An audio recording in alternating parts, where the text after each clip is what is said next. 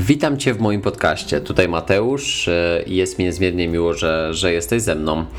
E, to jest 103 odcinek e, tej audycji i zapraszam Cię do mojego świata psychologii sportu, treningu mentalnego i szeroko pojętego zdrowia psychicznego. Dzisiaj z Piotrem Nabielcem czyli kimś, kto nie lubi nazywać siebie ekspertem, ale kogoś, kogo ja nazywam ekspertem od zarządzania czasem, e, podzielił się z nami naprawdę samą praktyką. Trochę pogadaliśmy o, o tematach postronnych, ale skupiliśmy się przede wszystkim na temacie zarządzania czasem i ten model czteropiętrowego domu, który każdy człowiek powinien eksplorować w swoim życiu dał mi inspirację do pracy własnej i mam nadzieję, że tak również będzie z Tobą. E, ja jestem człowiekiem, który nade wszystko chce się uczyć od takich ludzi i myślę, że każdemu, młodemu, starszemu, pomoże to, co Piotr zostawił w tym odcinku. Po raz kolejny i już doszedłem dlaczego. Miałem jakieś dziwne, niespodziewane problemy z jakością dźwięku. Okazuje się, że kabel w moim mikrofonie ma jakieś problemy i czasami e, nieoczekiwanie po prostu się rozłącza. Zobaczysz, że w pewnym momencie przez większość rozmowy mój dźwięk będzie jakiś taki dziwny, niepełny, a z kolei potem znowu się nagle wyczyści w drugiej części rozmowy i, e, i to jest właśnie tym spowodowane. Więc znalazłem źródło, to najważniejsze. Piotra słychać świetnie, także mam nadzieję, że, że, że w tym odcinku mimo wszystko wyciągniesz co najlepsze dla siebie. Zapraszam Cię do tej podróży i rozpocznijmy 103 odcinek z Piotrem Nabielcem o zarządzaniu czasem. Ten odcinek i jego partnerem e, jest, e, odcinek jest sponsorowany, a partnerem odcinka jest firma Health Labs Care, czyli chyba jedyna firma suplementacyjna, który każdy suplement, który wprowadza, ma naukowo zbadany. E, I ja między innymi właśnie popijam sobie kawkę z grzybkami Lions Mane Chaga e, od firmy Health Labs, a dlatego, że zostałem ambasadorem firmy Health Labs, to z kodem Embrela10 e, cały koszyk zakupów możesz zrabatować sobie o 10%. Myślę, że to zawsze e, pomocne w, w, w, każdej sytuacji, kiedy robisz jakieś większe zakupy. E, przynajmniej mm, jakby częściowo ta cena spadnie. Także wspólnie zapraszamy na odcinek z Piotrem Nabielcem raz jeszcze o zarządzaniu sobą w czasie.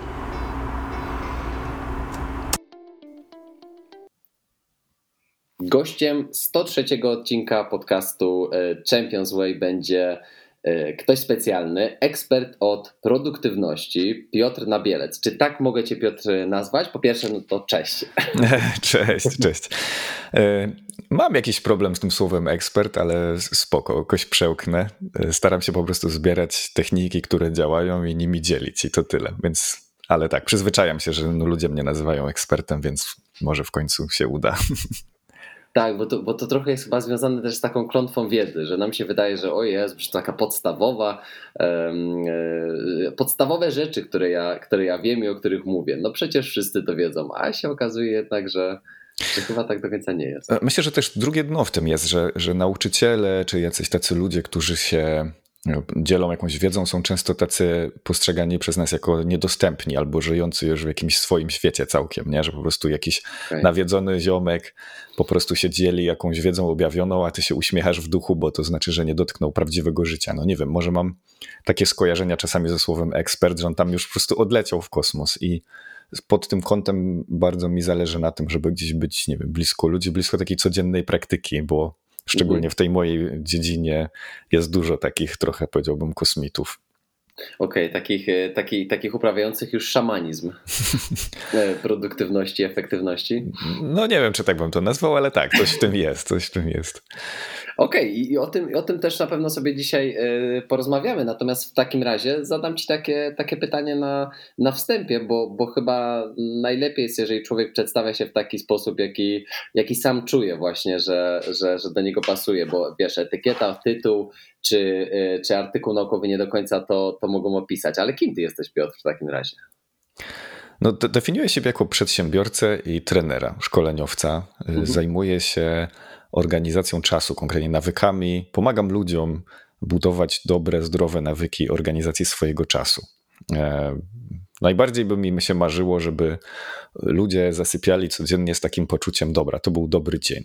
Co nie oznacza, że tam wszystko zrobiłem, czy, mm, czy inne rzeczy, tylko takie zasypiasz i, i, czujesz, że to był dobry dzień, że to był kolejny dobry dzień, że w ogóle twoje życie idzie w, w dobrą stronę. Co nie oznacza, że jest, nie wiem, wolne od problemów, y, czy nie wiem, że wszystko jest w nim idealnie. To nie o to chodzi, ale, ale myślę, że mamy takie dni, że zasypiamy i czujemy, że to był dobry dzień. To, to te, w tym chciałbym ludziom pomagać. E, definiuję siebie też jako muzyka. E, gram muzykę e, coraz więcej. To chciałbym, żeby to była taka moja druga noga, która sobie rośnie z czasem. No a przeszłość mam w IT. Byłem programistą, byłem menedżerem, także mam taki dość analityczny umysł i lubię konkrety. Chyba a tyle. Mi, mhm. A powiedz mi, dziękuję Ci y, właśnie za to, że, że przedstawiłeś się w taki, w taki sposób, jak, e, jak, jak czułeś, jak chciałeś, jak chciałbyś, żeby też właśnie Ciebie przedstawiano być może.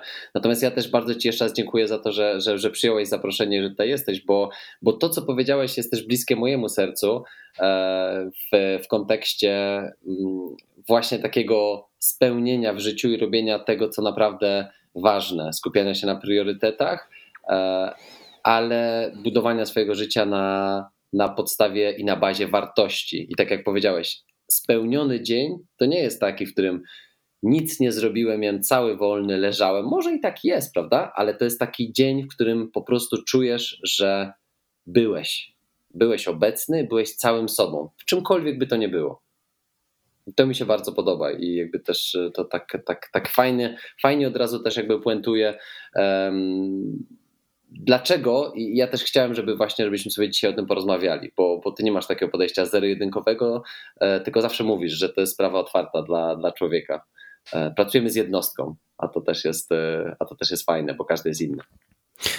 No tak, no ja od sześciu ponad lat prowadzę produktywnych, których właśnie zamykam. To był taki mój jak odszedłem z etatu, to zacząłem ludzi szkolić, e, bo to była taka moja coraz większa pasja, coraz więcej szkoleń z tematu organizacji czasu robiłem jeszcze na etacie, będąc czy tam mając swoje zespoły.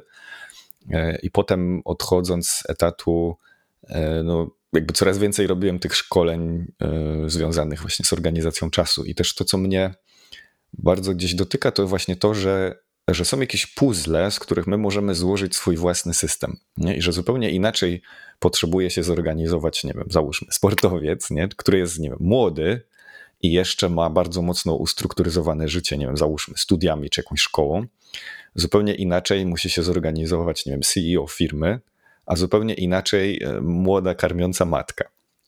Co nie zmienia faktu, że pewne puzzle, z których sobie składamy ten system, są bardzo podobne, tylko że one potem czy w pewnej abstrakcji one się gdzieś spotykają, mówią dokładnie o tym samym, bo każdy z nas potrzebuje wiedzieć, gdzie idzie, nie wiem, po co tam idzie i jak chce tam dojść, ale też na przykład zadbać o swoje skupienie, czy, mm, czy nie wiem, wymyśleć, czy właśnie dbać o to, o to, co cię rozprasza i w jaki sposób.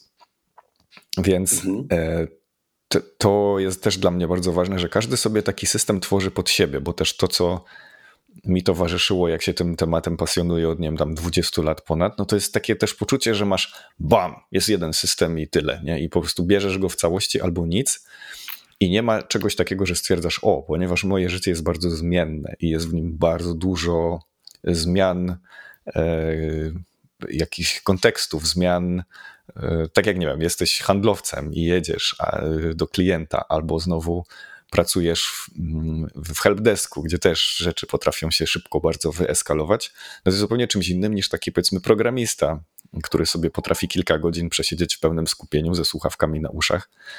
I co nie zmienia faktu, że, że te same zagadnienia musimy jakoś rozwiązywać. Nie? I, I to właśnie to spektrum, o którym mówisz, to mi się bardzo podoba, że wiem, że do mnie to będzie pasować, a to pasuje do ludzi, którzy bardziej pracują tak. A powiedz mi, Piotr, jeszcze, jeszcze zaczepiając jeden wątek właśnie, którym podsumowałeś to, kim jesteś. Y, czy pomaga ci to, że masz umysł analityczny, przepraszam, i lubisz konkrety? Pomaga ci to właśnie w, w, w pracy trenera, szkoleniowca z, właśnie z zakresu efektywności zarządzania czasem? No ja mam wrażenie, że bardzo mi to pomaga, bo ja przede wszystkim rozbijam wszystko na algorytmy. Poza tym e, programiści muszą być śmiertelnie dokładni tam nie, nie, nie możesz programując powiedzieć, to będzie jakoś tak. Nie, tam po prostu to, że pewne systemy nie działają, to dlatego, że na przykład ktoś się pomylił o jeden, albo zamiast większe lub równe napisał większe i nie wiem, coś tam przestaje nagle działać. E, także ten, ten, ten diabeł, który tkwi w szczegółach, sprawił, że no właśnie, w temacie y, organizacji czasu to, co mnie uderzyło, jest bardzo dużo ludzi, którzy mówią fajne i wzniosłe rzeczy, tylko potem, wiesz, każdy człowiek pytanie ma, no dobra, ale co konkretnie, co ja mam zrobić, nie? No to zainstaluj sobie apkę do zarządzania zadaniami. No to ja potem mam tych ludzi, co zainstalowali apkę do zarządzania zadaniami. To jest jeden wielki śmietnik, bo diabeł tkwi w szczegółach. Co ja tam wpisuję, kiedy to wpisuję, jak duże to ma być, ile tego ma być, jak to podzielić między listy. Nie? I Poza tym właśnie, gdzieś pytam ludzi, no jest zadanie, jest też projekt, coś większego, no to pada zawsze pytanie, no to, to jak duże może być zadanie, czy jak duże są projekty? Nie? I to jest taki, ludzie oczekują takiego konkretu, a nie takiego tam ślizgania się. Oczywiście, ja nie mogę powiedzieć, że to będzie dokładnie tu, ale już mogę powiedzieć, że jeśli miałbym y, żonglować zadaniami, to ja polecam y, maksymalnie dwie godziny na jedno zadanie. Czyli takie, że, że jeśli coś jest większe niż dwie godziny, to dziel na mniejsze. To się też wiąże z tym, jak ten nasz mózg jest zrobiony i że my tak naprawdę maksymalnie półtorej do dwóch godzin jesteśmy utrzymać w stanie skupienia. Więc to jest bardzo dla nas ważne, żeby móc po skończeniu jakiejś aktywności odhaczyć jako dan. To znowu nam plewa dopamina i mamy poczucie, że pchnąłem coś o kroczek do przodu. Nie? I to, to, to takie łączenie rzeczy ze sobą bo też jak kodujesz, to, to masz mnóstwo systemów zależnych od siebie i musisz czasami utrzymywać w głowie ten, ten system, że jak zrobię tu, to tu się coś zmienia. Ja mam wrażenie, że to mi bardzo e, pomaga, bo też mm, szczególnie w tym temacie ludzie są głodni takiego konkretu, nie? I oczywiście e, trzeba dać jakiś konkret ludziom, żeby wystartowali, poczuli, że to się sprawdza i potem sobie tam w ramach tego poeksperymentowali. Ale tak, no mm, też jak mówię do programistów, to oni też się często uśmiechają. Mówią, o Boże, jak było dobrze posłuchać, kto myśli jak my, nie? Tak, tak y, że, że wzniośle jest fajnie, teorie też są fajne, ale na koniec jest pytanie, co konkretnie mam zrobić, bo ludzie jak przychodzą się szkolić z organizacji czasu, to, to najczęściej go nie mają, albo są zarobieni, albo przytłoczeni i potrzebujesz czegoś, co ci się pomoże szybko wygrzebać, trochę jak taka mhm. wizyta u psychologa, nie? Że, że jak myślisz o tym, że za dwa lata będzie jakiś postęp, no to są, nie wiem, nurty terapii, które cię szybciutko stawiają na nogi, pomagają ogarnąć takie najbardziej bieżące rzeczy, a tymi długofalowymi zajmiemy się, jak będzie przestrzeń. Także nie wiem, czy to odpowiada na to pytanie. Musisz mną sterować, a jak się rozgadam, tak. to jest koniec. Nie, ale mnie się to, mnie się to podoba, bo, bo za, za każdym razem, jak dodajesz jakiś wątek, to od razu w, w, mojej, w mojej głowie pracuje kolejny, e, który wiesz, który mi się fajnie z tym skleja, bo, e, bo na przykład w branży sportowej bardzo często jest tak, że trenerzy potrafią być takimi osobami, które ładnie opowiadają o, jakimś, e, o jakiejś taktyce, o jakimś właśnie prowadzeniu drużyny.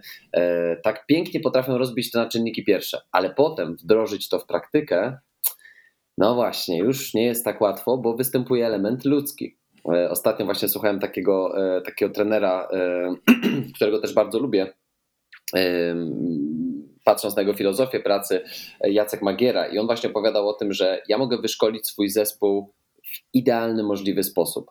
Natomiast nie mam wpływu na to, czy w meczu piłkarskim w 90 minucie, czyli w ostatniej, e, mój zawodnik do pustej bramki trafi w słupek, i my tego nie, meczu na przykład e, nie wygramy w, w tym wypadku 1 do 0, tylko zremisujemy 0-0, a ten remis powiedzmy wyeliminuje nas z, z rozgrywek. Na to już nie mamy wpływu, bo występuje właśnie ten element ludzki, więc pięknie, tak jak wspomniałeś, jest opowiadać o tym, jak to przecież w teorii w 100% musi zadziałać, ale nie biorąc pod uwagę organizmu ludzkiego w tym, no to jakbyśmy pomijali chyba najważniejszy element tak no, mi się wydaje przynajmniej.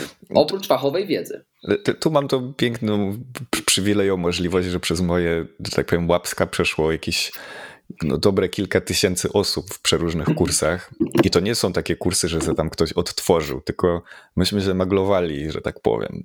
Mam często, e, jak były dłuższe kursy, takie, nie wiem, 30-dniowy online'owy, gdzie tam ludzie poświęcali 10-15 minut dziennie, to ja ludziom towarzyszyłem przez te 30 dni, bo oni pisali odpowiedzi na zadania, nie wiem, widziałem ich listy zadań i to dało poczuć taką bardzo, takie bardzo duże spektrum osób. Nie? I to, to jest dla mnie też bardzo ważne, że to nie jest ważne, jak ja się organizuję, bo ja jestem jakiś. Nie każdy z nas ma jakąś potrzebę struktury na przykład. Są osoby, które pewnie znasz takie, może sam taki jesteś, że wszystko musi być uporządkowane, wchodzisz do mieszkania kogoś i widzisz, że wszystko ma swoje miejsce, po prostu lubią wszystko mieć na listę, wszystko poukładane i tak dalej. A są osoby, które wręcz tym gardzą w jakiś sposób, że, że one kochają tą zmienność tego, że ty nie wiesz, co będziesz robił za godzinę. Nie jak teraz jest sytuacja chociażby w Ukrainie, co się dzieje. Nie? Wyobrażam sobie taki reporter, który po prostu dostaje cynk, że jest jakaś akcja i on się musi zwinąć i po prostu w godzinę jest w jakimś miejscu, gdzie nie wie gdzie.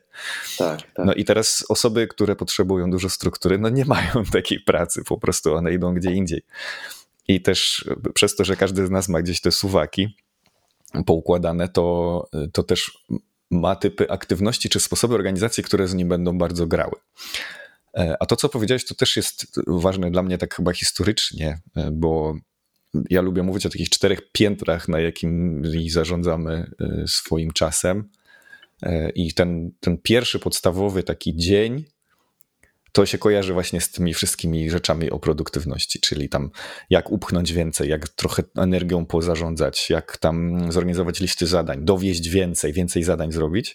To jest jakby takie pierwsze piętro budynku, ale potem mamy trochę szerszą perspektywę, mm, taką, nie wiem, tygodniową. No w tydzień już można dużo zrobić, nie? I tydzień czasami aż się można zaskoczyć, że w dzień robisz mało, a w tydzień bardzo dużo. Potem są kolejne piętra, myślisz, nie wiem, o pora roku, teraz mamy wiosnę trochę inaczej się żyje w wiosnę, a inaczej w zimę, czy w, czy w na jesieni. Nie? Zupełnie jakoś inaczej to życie nasze też przebiega. No i też trzy miesiące taki, że nawet ciąże się trymestrami mierzy. Nie? Tak. I to jest, to jest jakiś taki bardzo biologiczny odcinek czasu. No to w trzy miesiące znowu można zrobić mega dużo, jeszcze więcej. E, I też to jest taki odcinek czasu, na który lubię patrzeć. No i potem mamy jakieś takie marzenia, wartości, to o czym, o, o czym mówiłeś też. I i na przykład ja mam swoje ulubione piętra. Ja na przykład jestem typowym działaczem, tak jak ktoś robił testy typu StrengthsFinder, to ja tam mam achiever, po prostu wiesz, jakby, no ja się czuję dobrze na tym podstawowym piętrze. I wiem, że muszę sobie jakoś kompensować albo, nie wiem, innym człowiekiem, albo jakimś systemem, to, żeby się raz na jakiś czas tak po prostu rozmarzyć, nie wiem, albo zastanowić, gdzie chcę iść, po co tam chcę iść. I to nie jest dla mnie jakoś super naturalne, bo, bo jak siedzę i cały wieczór się rozmarzam i myślę, to nic nie robię, nie? To jest takie, takie poczucie trochę. Znowu są osoby, które są bardzo wizyjne, e, takie mocno rozmarzone, może nawet myślą strategiami, ale właśnie ten diabeł tkwi w szczegółach. I tutaj przychodzi taki Piotrek z pomocą, żeby wiedzieć, co konkretnie, jak, jak taką jakąś wizję czy ideę przekuć w działanie. I też nie wiem, jak jest w sporcie, szczerze mówiąc, to możemy, to chętnie się też dowiem, mhm. ale też dlatego wiele firm zakładają, zakłada dwóch founderów. I ciekawe w tych czterech piętrach jest dla mnie to, że często jeden jest taki właśnie, że te pierwsze dwa, a drugi jest ten, ten trzecie i czwarte, czyli jeden founder jest taki bardzo wizyjny, dużo myśli o jakiejś idei, taki Steve Jobs trochę, Mhm. E, a drugi musi po prostu siedzieć w detalach i ogarniać operacyjnie, co się tam wydarza. Też jest dla mnie ważne, żeby ludzie rozumieli, którym typem bardziej są, bo to oznacza, że można skupić tą uwagę tam, gdzie ona daje maksimum wartości.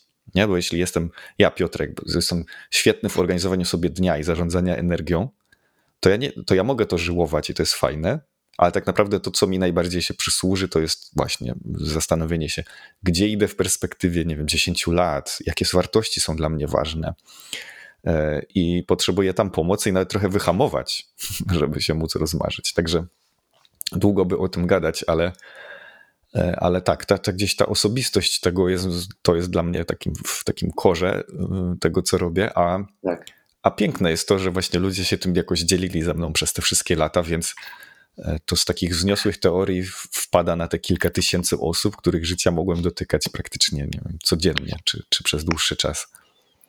I, I, dobra wiadomość jest w tym e, taka, e, i to tak to wcześniej wybrzmiało, że nie musisz być jakiś, czyli nie musisz podporządkować się do systemu, żeby być skutecznym w tym, co robisz, żeby być efektywnym, produktywnym i jeszcze e, ty często mówisz wydajnym, prawda? Bo też tak, tak fajnie zawsze rozróżniałeś, mm, e, rozróżniasz u siebie efektywność i wydajność, prawda?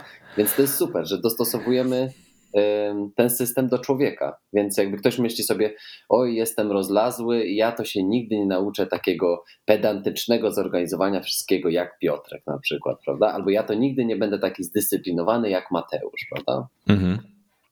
To jest chyba wyciągnięcie najlepszego z jednostki. To, to jakby to byś powiedział, że, że, jakby, że jest taka esencja e, właśnie choćby tych kilku tysięcy dotkniętych e, przez ciebie osób?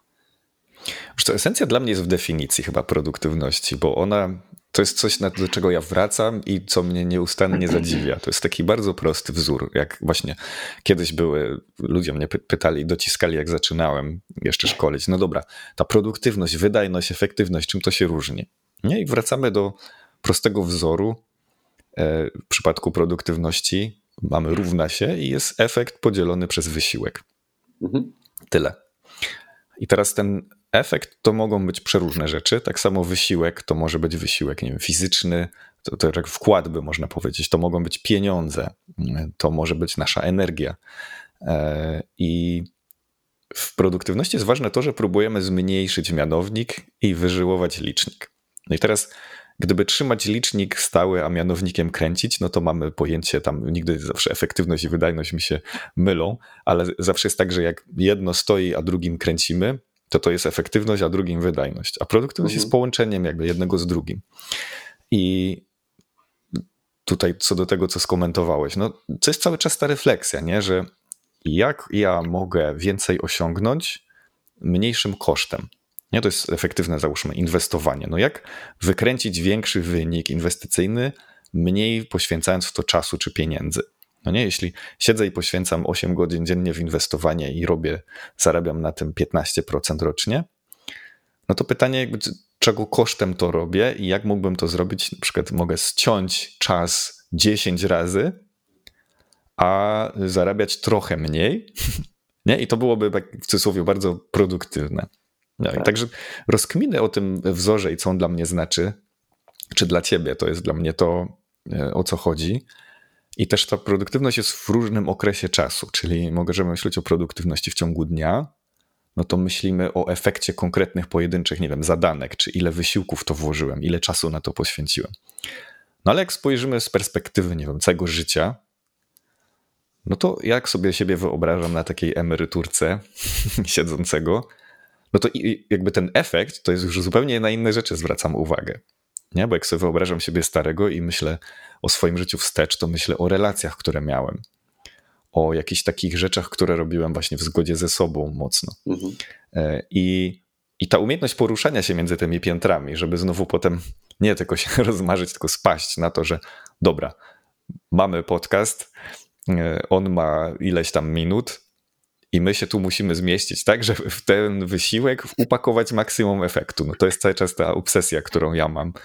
E, I, i czasami, fajnie, że to powiedziałeś, nie? czasami przeleżenie pół dnia jest najbardziej produktywną rzeczą, jaką można zrobić, bo e, co prawda dzisiaj zrobię mniej, ale w perspektywie tygodnia, czy załóżmy miesiąca, nie wiem, uniknę infekcji, przepracowania, przepalenia, czegoś takiego i zrobię więcej. Więc ta umiejętność też zmieniania perspektywy i długości czasu jest bardzo ważna.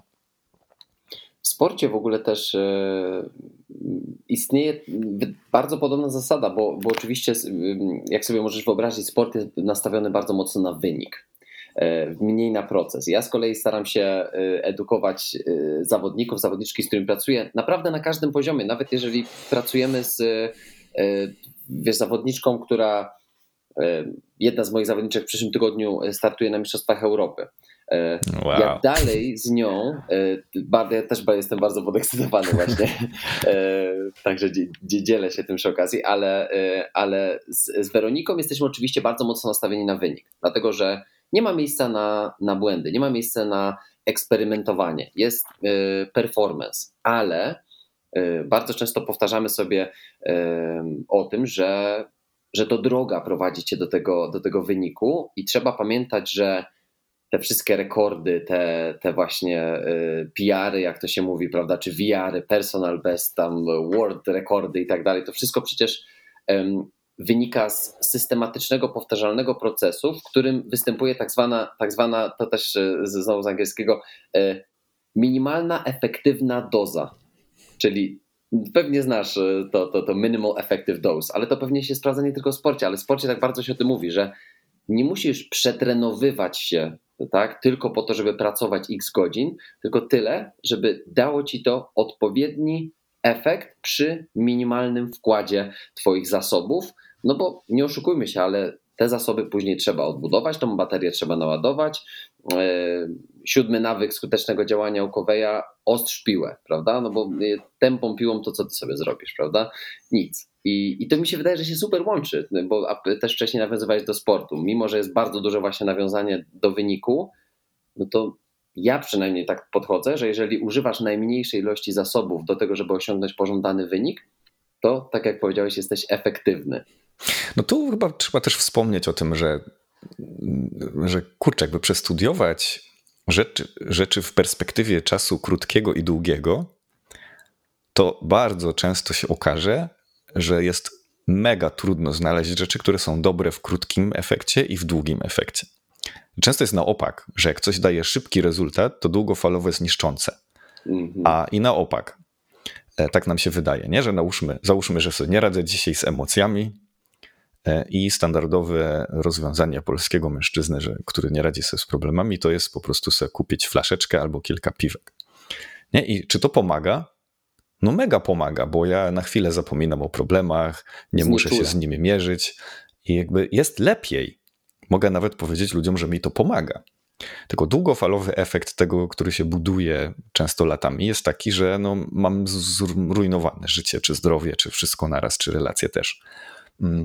Mm, taki dałem drastyczny przykład, bo te statystyki w Polsce są dość e, no, straszne, a jednocześnie mało się o tym mówi jakoś, nie? Że, że my mamy właściwie jakby estymuje się kilkanaście procent dorosłych dzieci alkoholików w tej chwili. Nie? I to, to nie jest tak, że wszyscy o tym mówią, że słuchaj, to się najczęściej wiąże z jakimś konkretnym, nie wiem, poczuciem wartości, czy sposobami, w jakie wchodzisz w relacje, czy że trochę takie jakby wychowanie na wojnie, że ciągle źle się czujesz, jak jest za spokojnie, bo ty nie, nie wiesz, co się robi wtedy.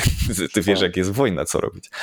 Nie to rzucam taki może hardkorowy przykład, ale on też obrazuje, że pewne rzeczy w krótkim efekcie często dają takie pigułkowe poczucie, że jest lepiej, że wziąłem jakąś pigułkę i bam, i, i przestało mnie boleć. Nie? Albo w, w, diecie też, ona jest bardzo do sportu przyklejona, że, że chwilowo na przykład się czuję, wow, mam więcej energii, a docelowo na przykład wyniszczam sobie organizm, czy tam stawy i inne rzeczy. I myślę, że szczególnie no, sport gromadzi osoby, które są bardzo, e, nie wiem, napędzane rywalizacją i w rywalizacjach chcesz szybko wyskoczyć z efektem e, w krótkim czasie, to możesz chodzić na skróty, nie? Troszkę tak jak pewni słynni kolarze tam robili różne wały, nie? I, I że kurczę, to jest straszne pokuszenie, żeby pójść na skróty, nie wiem, zrobić sobie transfuzję krwi i, i wyżyłować wynik, tylko długofalowo to po prostu ci zrujnuje karierę, zabiorą ci wszystkie tytuły, nie? I myślę, że, że dla was szczególnie wielkim wyzwaniem jest to, E, unikanie takich właśnie może wielkich wyskoków dzisiaj, żeby też nie rozhuśtać tego systemu za bardzo. Oczywiście taką naturalną huśtawką są zawody, bo na zawodach dostajesz plus 500% do, do wszystkiego e, przez same emocje, które temu towarzyszą. No ale jeśli nie ma tego fundamentu tam zbudowanego, no to po tych zawodach jesteś w jakimś wrakiem, w jakimś sensie, nie? Że się tak przetrenowałeś do zawodów, że potem musisz właściwie zrobić dłuższą przerwę, tak sobie to wyobrażam.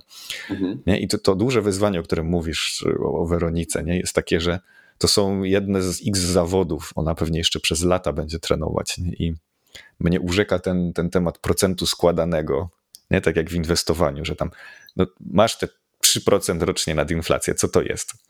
To weź pomnóż 1,03 razy 1,03 razy 1,03 30 razy i zobaczysz z jakim wynikiem mamy do czynienia. Nie? Że to, to się nie wydaje spektakularne tak e, krok po kroczku. Ale jak ten procent składany sobie tak, to, to chyba Einstein mówił, że, że to jest ósmy cud świata, to jest procent składany. Takie zmiana, która się nie wydaje w jednym kroku duża, ale naskładane te zmiany, one po prostu mają moc wykładniczą. Nasz mózg trochę nie ogarnia tego procesu, bo my lubimy liniowe rzeczy. Tak, tak. Nie, także to, o czym mówisz, to są nawyki. Nawyk, że zrobię ten minimum effective dose dzisiaj, jutro, pojutrze, mm, to mnie nie przetrenowuje, to mnie czasem wręcz wkurza i drenuje tak dziennie, że muszę no to jest duże wyzwanie o nawykach tam, bo jeżeli chciałbyś też pogadać, to też wielki temat. E, ale to no dla mnie na przykład to jest ogromne wyzwanie, nie? Dlatego kto lubi być na tym pięterku pierwszym i na tą imprezę tam na czwarte to rzadko wchodzić.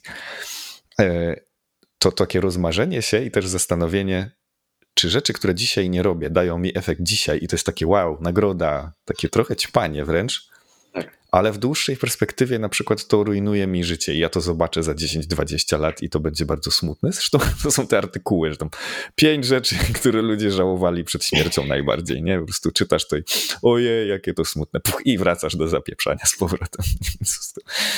Bez sensu. Ale widzisz, i, i tu um, otwiera mi się od razu też taki, um, taki, taki, takie drzwiczki do takiego stwierdzenia, że, że, że wiadomo, wiadomo, wiadomym jest, że konsekwencje tych dzisiejszych działań e, zobaczysz w przyszłości. I jakby sobie tak zadać dzisiaj to pytanie, tak jak zresztą e, ty powiedziałeś, jakie te konsekwencje mogą być, e, czy, czy to takie tymczasowe właśnie trafnie według mnie właśnie to, to ująłeś ćpanie motywacji. E, ja sobie to motywacji dopisuję tam, prawda? Czy właśnie tej dopaminy, które w tej chwili daje mi poczucie haju, poczu, daje mi poczucie um, tego, co mógł pewnie odczuwać Freddie Mercury, jak stał w, na Live Aidzie e, i, i, ludzie mu odpowiadali na, na jego krzyki. To są, to są rzeczy, których nie da się odtworzyć, tego nie da się w ogóle, e, wiesz, wyobrazić. I to jest fajne, to jest przyjemne, ale potem schodzisz z tej sceny, jak to się czasami e, śmiejemy, że żeby normalizować e, e, na przykład takiego Roberta Lewandowskiego, prawda? On jak wróci do domu po strzeleniu pięciu bramek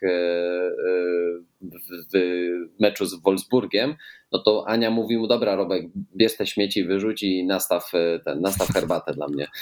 I to takie, takie normalizowanie po prostu tego, że że wracamy do tego naszego domu, a tam dalej czeka. Albo córcia. To... Albo, daj mi się córką, a nie gada już o tej bramkach swoich, tak?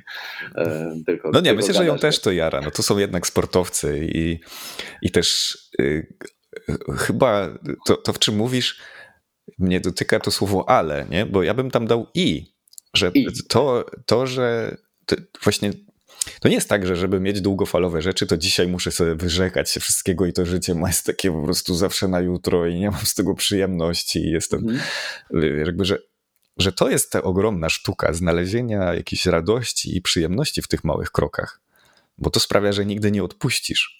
Tak. Nie? I, e, i tutaj się często wylewa dziecko z kąpielą, że ludzie skupieni, nie wiem, na przykład chcę wyglądać dobrze i mieć na starość fajne ciało, i na przykład 20 lat są na diecie, której nienawidzą, ale ona daje dobre efekty. Nie? I po prostu ja nie umiałbym tak żyć, bo, bo te małe dopaminowe strzały są też bardzo ważne. Tylko tak, tak. właśnie chodzi o ten taki balans, żeby się w cudzysłowie nie przećpać i nie uzależnić, ale też, żeby to nie było tak, że ja żyję takim życiem, które po prostu ciągle jest w przyszłości, bo to tak jakbyś, nie wiem, każdy grosz oszczędzał na, na emeryturę, a na emeryturze się okazało, że nie, nie masz zdrowia, żeby je wydać nie? I, a jeszcze na przykład nie masz dzieci, więc to właściwie nie, nie, nie zbierałeś tego dla nikogo, tylko dla siebie w przyszłości.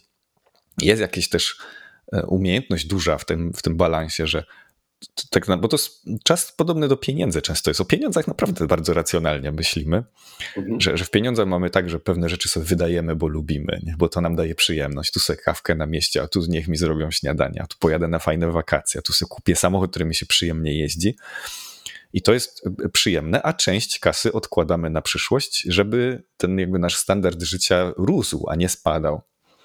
E, I, i właściwie z czasem to, to jest, czy z energią, nie? Bo to też bardzo pokrewne e, rzeczy. Też jest to takie ogromne jakieś wyzwanie, jak to zrobić sensownie z głową, żeby z przyjemnością skonsumować dzisiaj, bo ten wtedy życie ma smak, ale część w cudzysłowie odłożyć na przyszłość, żeby ten smak w przyszłości był jeszcze lepszy. Fajnie, że zwróciłeś na to uwagę. Tak, i szczególnie dobrze, że też e, widzisz, bo czasami to jest tak z, automatu, mówi się pewne rzeczy i tak jak e, zwróciłeś uwagę na to, ale i, jaka to jest, jaka to jest mała, ale mm. ogromna różnica. E, I tak mi się wydaje, że, że, że, że właśnie to środowisko też, też w tym wszystkim jest tak ważne, żeby oni nam powiedzieli, y, no dla przykładu już pociągnijmy, tak, ten taki y, nieistniejący hipotetyczny przykład. Y, fajnie, bardzo się cieszymy, Robert, że jesteś taki świetny, naprawdę gratulujemy ci i podaj tą kiełbasę już tam z grilla zdejmij prawda?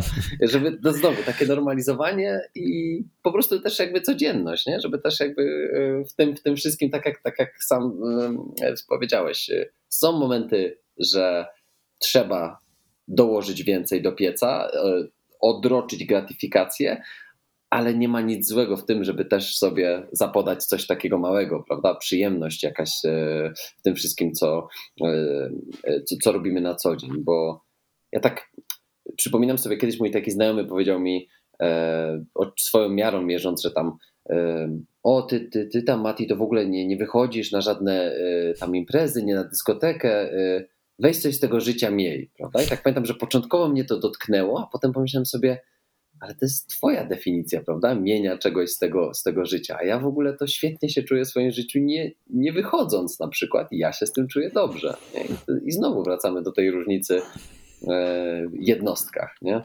Ale tu mhm. odpłynąłem trochę już tym przykładem. To nie, no bardzo dobrze, bardzo dobrze. To możemy płynąć. Ja kocham te cztery, jak znowu spadając na, na cztery łapy, na, na konkrety, to, to jest ćwiczenie, które uwielbiam i zazwyczaj dużo ludziom daję, żeby podzielić rzeczy w życiu na takie cztery obszary. To kokowej też proponuję, jak już go wspomniałeś. Mhm. Że, że jedne rzeczy są z pasją, taką związaną z emocjami, że mnie po prostu grzeje to tak? Ja mam ćwiczenia, na przykład robię co rano, nie takie, które mnie tam umordują czy coś, tylko przez lata wydestylowałem ćwiczenia, które po prostu jak nie robię, to mi ich brakuje, że ja się nie mogę doczekać, kiedy po ćwiczenie i to jest, to jest jedna z rzeczy, taka pasja, czy rzeczy, gdzie się przemieszczam z programowania w menedżerkę, w szkolenia, w zarządzanie czasem, że jest coś, co mnie po prostu tak grzeje, że ja mógłbym to robić non-stop, nawet za darmo. E, ale jest drugi wymiar, czyli talent, czyli jak mi to wychodzi, jak wyglądam w porównaniu z resztą, czy się szybciej tego uczę, czy mam jakieś naturalne predyspozycje, intuicje, coś robię, nie? Takiego, że w sporcie to od razu widać, nie? Że ktoś pierwszy raz coś robi, pyk, psz, myślisz, o Jezu, jak on się rusza, czy ona. Zresztą to idealne pod ten, pod ten konkretny sport jest. Ma to coś. Tak, że to jest, to jest talent y, i, i talent to znowu daje tą, jak szybko w tym procencie składanym odlecisz, nie? bo to jak ty masz 6%, a ktoś ma 3%, no to już po kilku latach odkładania to jest ogromna różnica. No ale jest też wartość, wartość dla innych. E, jaką wartość to produkuje? No bo mogę mieć talent i pasję do czegoś, co właściwie nie przynosi wartości. No i czwarte kółko kowej by dorzucił z sumienia, nie? Czy ja się, czy mogę odpowiedzieć, że się urodziłem po to, żeby to robić? Mm. E, I na przykład ja kochałem no, programowanie, to była moja młodość cała. Grzało mnie to, miałem do tego predyspozycję, dawało wartość, firmy płaciły za to nie mało. No ale przed dzień, kiedy wstałem i powiedziałem, dobra, game over, to się zużyło. moje, moje sumienie mi mówi, że mimo, że te trzy pozostałe części są zaspokojone, to ta czwarta już nie. Ona, ona była głodna, żeby się gdzieś przemieścić. E, I miałem jeszcze jakąś myśl tutaj, ale mi uciekła. Natomiast no właśnie, teraz jak, jak myślę o imprezach czy o takich rzeczach, nie, to jest takie ciągłe przyglądanie się, co mnie grzeje, do czego mam talent, jakieś predyspozycje, y, w czym się od razu jakby ja łapię szybciej albo czego się szybciej uczę, tak. jaką, które rzeczy przynoszą największą wartość, no bo zasada Pareto niestety. 20% rzeczy, które robimy, daje 80% efektów. Przerażające, nie? Że możesz spuścić wymagania o 20% ze 100 na 80 i dzięki temu wysiłek możesz zmaleć 5 razy. Nie? Tak 20% dywanu y, jest zużyte w 80% zużycia tego dywanu, nie? czy nawet y, ciuchy, nie? że 20% ciuchów nosimy 80% czasu, no to w produktywności to ma ogromne zastosowanie, bo znowu 20% wysiłku, który wkładamy, daje nam 80% efektu i ta ciągła zaduma nad tym, co to jest, nas jakby wy, wy, wystrzela w, w, kolejne dziedziny. Jezu, dobra, to już fruwam chyba trochę. Nie, ale super, wiesz, w ogóle ja się zastanawiam, y, bo, bo ta metoda jest, wiesz, mi też znana od lat, ale ja momentami się zastanawiam, czy to faktycznie tak jakby, tak, tak to jest w moim życiu i tak czasami niby wiem, znam tą zasadę, ale tak sobie myślę, chyba się muszę do ciebie zgłosić, e, żebyśmy o tym pogadali i, i wiesz, profesjonalnie, żebyś, żebyś spojrzał na moje życie. I naprawdę, e, może wiesz, może też podpytam cię o parę rzeczy, ty mi pewnie zadasz kilka mądrych pytań. No możemy to e, tu zrobić, no bo jak dla ciebie to jest przydatne, to pewnie dla ludzi, którzy się cię słuchają tak samo. Nie? Dla mnie tu fenomenalnym narzędziem jest retrospektywa, taka refleksja chwilka. Tak. I jak możemy poświęcić 20 minut raz na tydzień, nie wiem, w piątek wieczorem, przed imprezą, jak ktoś chodzi, czy tam w niedzielę e, rano albo wieczorem, jakiś taki moment, kiedy już przez chwilkę sobie pobyliśmy i osiedliśmy z takiego gonienia. I właśnie zadać takie pytanie, nie dobra, co się w tym tygodniu, no bo nie wszyscy mogą codziennie, codziennie to już byłoby idealnie, ale nawet mhm. raz w tygodniu usiąść przy herbatce czy tam kieliszku wina i sobie zadać pytanie, dobra, co w tym tygodniu, tak sobie przelecę przez ten tydzień, co mnie tak grzało, żeby poczułem, że nagle wow, yeah, czad. Nie, co, co to jest? E, czy zauważyłem jakieś przejawy u siebie takiego, że coś mi szybciej poszło, że widziałem, że inni się mordowali, a dla mnie to było łatwe? E, albo, że nagle się okazało, że mam jakąś intuicję i trafiłem. E, czy, czy ktoś mi szczególnie dziękował za coś, co mi się wydawało proste? To o wartości, czy o sumieniu, że nagle poczułem takie mhm wow, że się mega wzruszam na przykład, jak coś widzę, albo to, że mnie tak szarpnęło aż coś. I wystarczy sobie założyć taki krótki dziennik, czy jedną notatkę na ten temat i po prostu to dopisywać. Nic więcej, nie? Bo to nie jest tak, że, że ty to widzisz od razu, tylko tak jak samolot, trzeba się trochę oderwać od ziemi i jak już masz tych notatek, nie wiem, z 10 tygodni i po prostu je sobie otworzysz w jeszcze jeden wieczór i zamiast 20 minut poświęcisz nim godzinę, tak raz na, nie wiem, tuż przed jakimś letnim wyjazdem, załóżmy. Nie, no to, to mózg jest perfekcyjny w łączeniu kropek. Wystarczy, że go nakarmisz tym i on ci to połączy i nagle zobaczysz, kurde, ej, ja przez większość tygodni piszę, że mnie jara to, ja w ogóle tego nie wiedziałem. Albo któryś raz zauważam, że ludzie mówili na przykład, że mówisz o skomplikowanych rzeczach w prosty sposób albo że y, systematyzujesz wszystko w taki sposób, że się to da zrozumieć, to o mnie. Mhm. Takie coś usłyszałem, pomyślałem, kurde, może to jest jakieś coś, co ja mogę robić. Nie, że mnie grzeje dzielenie się wiedzą, bo miałem zapiski takie, że jak zrobiłem prezentację, to to to porządkowanie i przekazywanie czegoś, co się ludziom wydawało skomplikowane, to lubiłem na ich twarzach widzieć to takie a, to tak działa, nie? I mi to coś robi. Ja to mhm. uwielbiam. Mm, no to co, do czego tu mam konkretnie talent? Nie? I to też to nie jest tak, że to spada z nieba, ha, psz, masz. Tylko po prostu takie cierpliwe obserwowanie, nie? Tak jak założę się, że w sporcie też jest, że się przyglądasz temu, kto jakie, nie wiem, popełnia powtarzalny błąd albo powtarzalnie robi coś dobrze, mimo że mu tego nie mówisz. Nie? I trochę na tym się buduje, ale to jest takie cierpliwe przyglądanie się. Ono nie jest spektakularne, ale taka jedna prosta notateczka, 20 minut y, raz na tydzień i potem jedna godzina po, nie wiem, 10 takich sesjach mhm. i bam, masz, masz coś takiego, co nagle po prostu siedzisz i nie wiem, pewnie miewasz tak raz na jakiś czas. Ja tak mam dość często teraz, że jest takie wow, że aż mnie cofnęło, muszę o tym pomyśleć. I no i to, to często towarzyszy potem takim dużym zmianom w życiu, że stwierdzasz, dobra, nie wiem, rzucę to programowanie i poświęcę się, czy tam menedżerowanie ludźmi poświęcę się szkoleniom, bo, bo już mam wystarczająco dużo jakichś w cudzysłowie pomiarów, które mi pokazują, że tak, to, to nie dość, że mam jakieś predyspozycje do tego, to e, ludziom daje, znaczy mi daje frajdę i jeszcze jest wartość dla ludzi, no super.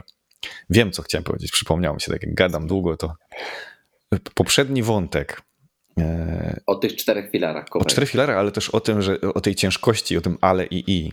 Tak, tak. Że szczególnie w Polsce mamy taki problem. Muszę tu powiedzieć, jakby tak kulturowo u nas. My się strasznie dużo gnoimy. Mamy ogromne problemy jako kultura polska z takim a nie, to się nie uda, albo a wszystko stracone, a i I to jest kolejna rzecz, która sprawia, sprawia, że nie możemy się w pełni ucieszyć procesem, bo to jest takie, że a, nie wiem, zrobiłeś dzisiaj fajnie coś, tere, te, te, te, chciałbyś się poświętować i masz taki głos w twojej głowie, nie wiem, jak młodsi ludzie mają tego mniej, ale im, że tak powiem, PESEL bardziej bezwzględny, tym gorzej. Zauważam, może dlatego, że dwa pokolenia wstecz właściwie wszyscy mają PTSD, bo przeszli mm. przez wojnę, komuny i inne rzeczy. Ale to takie od razu się w głowie pojawiające, a co to jest, nie? Zobaczymy tam później, nie? Że, że natychmiast masz takiego zabójcę tej przyjemności, tak jakbyś się nie mógł ucieszyć i u nas to jest bardzo widoczne, jak się tak, ja się przemieszczam troszkę po świecie, można się trochę śmiać z tych Amerykanów, że wszystko yeah, hurra, super, a my jesteśmy tacy wow, mamy taki piękny kraj, wszystko jest ekstra i tam, że oni mówią, fantastyczna firma, wszystko jest super, ogłaszamy upadłość, nie?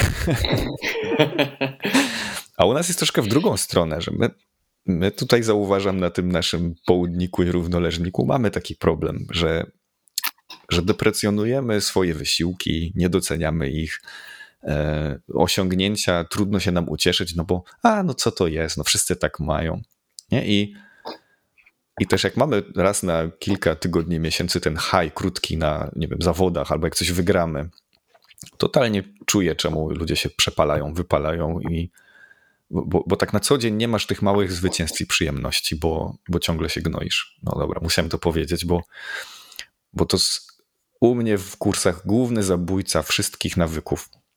Czyli takie, a znowu mi się nie udało, nie? To ktoś pierwszą glebę zaliczył po dwóch tygodniach i już, a wszystko na marne, wiedziałem, że mi się nie uda. No jak się nie uda, potknąłeś się raz w 14 dni.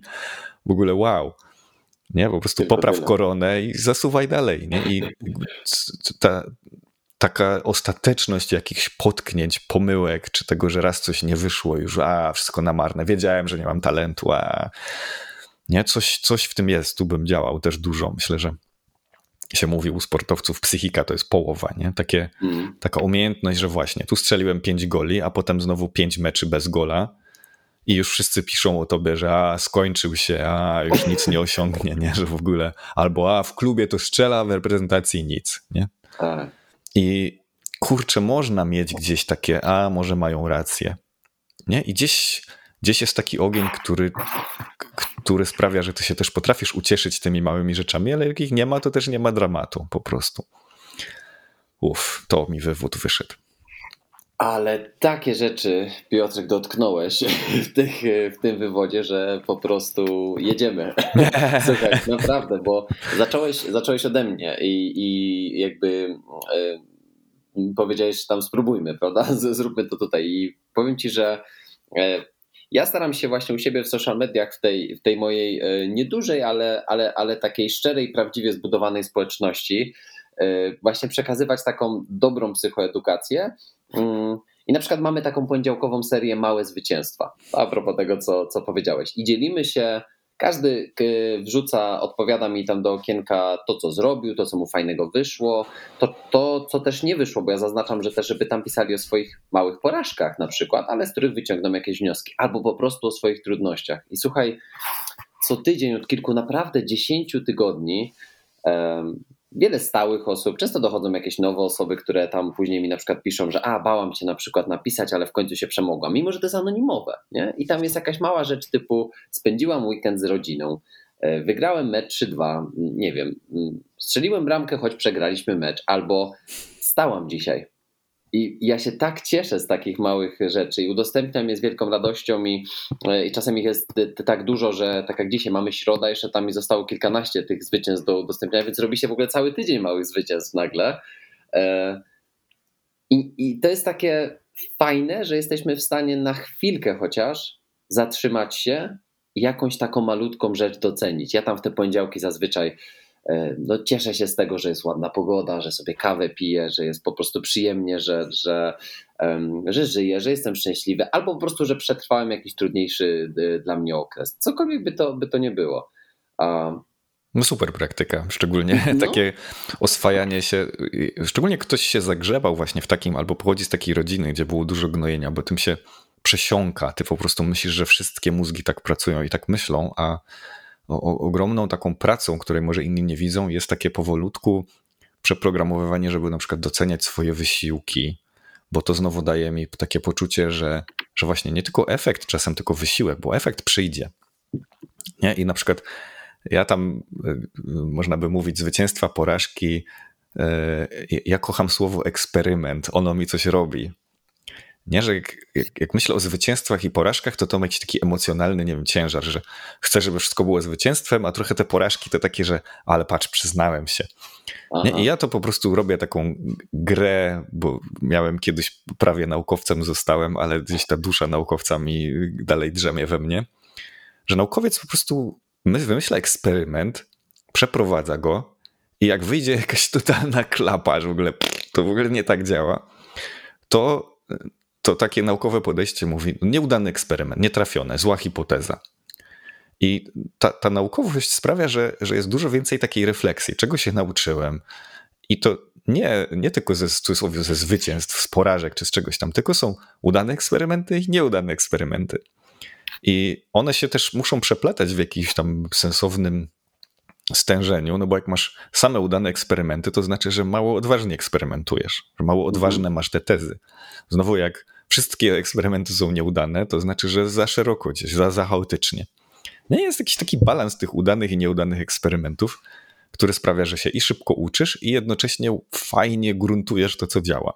I, i, i, i nie wiem, może to jest jakaś prosta e, gra u mnie w mózgu, ale jak słyszysz porażkę czy sukces, to to już ma taki jakiś ciężar za sobą, że potem też znasz ludzi, którzy, dla których wszystko jest sukcesem, nie? że o, tam jest, mam raka i rozwiodłem się, ale u, użyłem tego jako dobrą rzecz w swoim życiu. Nie? Tak, coś to, z tego wyciągnę w przyszłości. I to, ta lekcja jest bardzo ważna i bardzo tak. cenna. Tak. Nie? Natomiast no, no nie, nie lubię jakby na, na siłę nazywać tam różnych rzeczy sukcesem. Tak samo porażką Porażka to jest co? Nie? Tak by się można zadać pytanie, co jest ta porażka? No to jest coś, że, że myślałem, że tak to działa, zrobiłem i dostałem inny rezultat. Informacja zwrotna. Informacja zwrotna. I teraz część rzeczy sprawia, że nas bardzo boli, e, co jest jakby zupełnie oddzielnym tematem od tego, czy coś jest w cudzysłowie porażką, czy nie. nie? Bo, bo po prostu boleć mnie może zawsze, może się tym mhm. bólem zająć, E, on mi też chce coś powiedzieć. E, I to w ogóle nie w tych kategoriach tutaj bym to rozpatrywał. Ale też znowu tego, lecimy w kosmos. Ale, ale dobre, bo, bo to a propos tego takiego właśnie kulturowego gnojenia się, łatwo jest z jednej, drugiej, trzeciej porażki mental, stać się mentalnym przegrywem w swoich oczach, nie? I to jakby zaczyna się właśnie to być może właśnie y, jeszcze bardziej zakorzenianie tego, że a, no, już nie wiem, po co w ogóle próbować, prawda? Znowu mi nie wyjdzie. A tak jak mówisz, przecież jakby tak y, z, z, zrobił człowiek, który y, odkrył koło albo żarówkę y, i te tysiące prób, które wcześniej nie wyszły, no to dzisiaj byśmy może żyli w jaskiniach, tak? I wiesz, Ale wiesz, ja tak... znowu zejdę na ziemię i podam przykład rzeczy, o którą ludzie najczęściej mnie pytają. na przykład. Dawaj, super. Jak rano wstać z łóżka, nie odkładając budzika? w sensie nie przekładając go ileś razy. A, dobra. To jest jedno z pytań, które najczęściej dostaję, nie? Piotrek, co ja mam zrobić? I, yy, więc od razu czuję idący za tym ciężar emocjonalny, że Jezu, znowu cztery razy dawałem drzemkę i w ogóle co to ma być? Nie wiem, czy może sportowcom się to nie zdarza, ale takim ludziom spoza to jest jak się zwlec do roboty, czy tam yy, na studia czasem. Nie, i teraz ten ciężar emocjonalny, który idzie za tym, że mi nie wychodzi, że się tak trochę wstydzę tego, albo że znowu, nie, dwa dni wstałem, było dobrze, a trzeci po prostu nie mógł, przez godzinę odkładałem. I znowu, jak, jak ludziom daję zadanie domowe na zasadzie potraktuj to jako eksperymenty i spróbuj wy, wy, się przyjrzeć temu, nie wiem, jakie dni ci się dobrze wstaje, a w jakie gorzej i spróbuj po prostu zauważyć, czy jest w tym jakiś wzorzec, nie? Część ludzi mówi a nażarłem się na noc dzień wcześniej na przykład. Albo, że mm, i to znowu, nie chodzi o to, że ja przeciągnę jakąś wajchę i, dwie godziny nagle wcześniej wstaję, tylko na przykład zauważyłem, że mi pomaga, nie wiem, światło, albo zrobię sobie eksperyment, zasłonię sobie zasłonę, albo wymienię zasłony na ciemne. i zobaczę, albo przewietrzę, albo w ogóle czytasz jakiś artykuł, jest tam 17 porad, jak lepiej spać. To myślisz, jedna, która najbardziej sensowna, najprostsza, wywietrz pokój. No to dawaj, jedziemy tydzień eksperymentu z wietrzeniem pokoju. Akurat w Polsce styczeń załóżmy, czy tam maj, nie, to, to jest duża różnica, ale wywietrzenie pokoju. I, I rano znowu ta ciekawość, czekaj, to jest dzisiaj lepiej czy gorzej? E, I po tygodniu zauważysz, o, wietrzenie super. Albo na przykład kołdrę mam za ciepłą, albo że to jest tyle takich drobnych rzeczy i znowu nie wymieniasz 15 na raz, tylko widzisz na przykład y, ta konkretna pora, jak ja się położę po 23.30, to już dużo gorzej śpię na przykład, to, to ja, tak biologicznie. Mhm. Więc trochę dla mnie jest tak, że jak już przekroczę 23.30, to już potem hulaj dusza, mogę do trzeciej czy, czy którejś, bo najbardziej się regeneruje, tak czuję, jak się położę wcześniej. Nie? I też mnóstwo jest eksperymentów wokół spania, a ktoś po prostu przychodzi i mówi, a ja nie umiem, ja w ogóle beznadziejny, tylko budzik przykładam. Nie? Ile tam jest w ogóle ciekawości pod spodem? Co mi może pomóc? Pora kładzenia, wietrzenie, temperatura, kołdra, łóżko, materac inny, nie wiem, e, zaciemnienie, a może właśnie słońce rano. E, można prze, prze, prze, jak to się mówi, przemeblować pokój, tak, nie? Po, tak. po, rzeczy w inne miejsce dać i zobaczyć, czy tak jest lepiej. Nie wiem, więcej wody pić, mniej wody pić. E, kurczę, to, jest, to się robi nagle ciekawe, przynajmniej dla mnie. Tak, bo w taki sposób właśnie poznajemy swoją własną instrukcję obsługi. E, Dokładnie. I, i, jest, i zbliżamy się do tego, żeby mm, żeby być może właśnie w konsekwencji stać się bardziej y, efektywnymi, bo to właśnie zaczyna się od wieczora, poranka i, i tak dalej się ciągnie do następnego wieczora.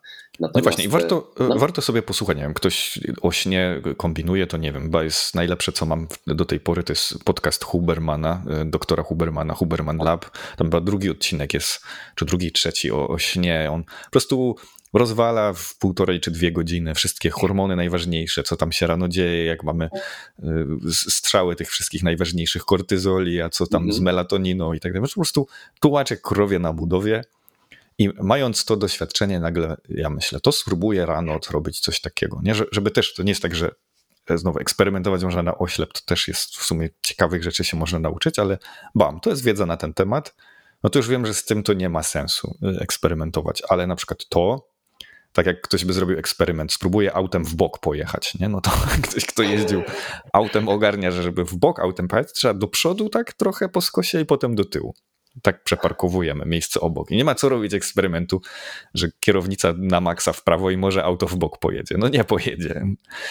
Także też czasami myślę, że to, co my próbujemy robić, jak nie znamy mózgu swojego, to jest taka jazda w bok. Nie, że to, to się tak. po prostu nie da zrobić. I potem jeszcze się gnoimy, że a, to moje auto beznadziejne.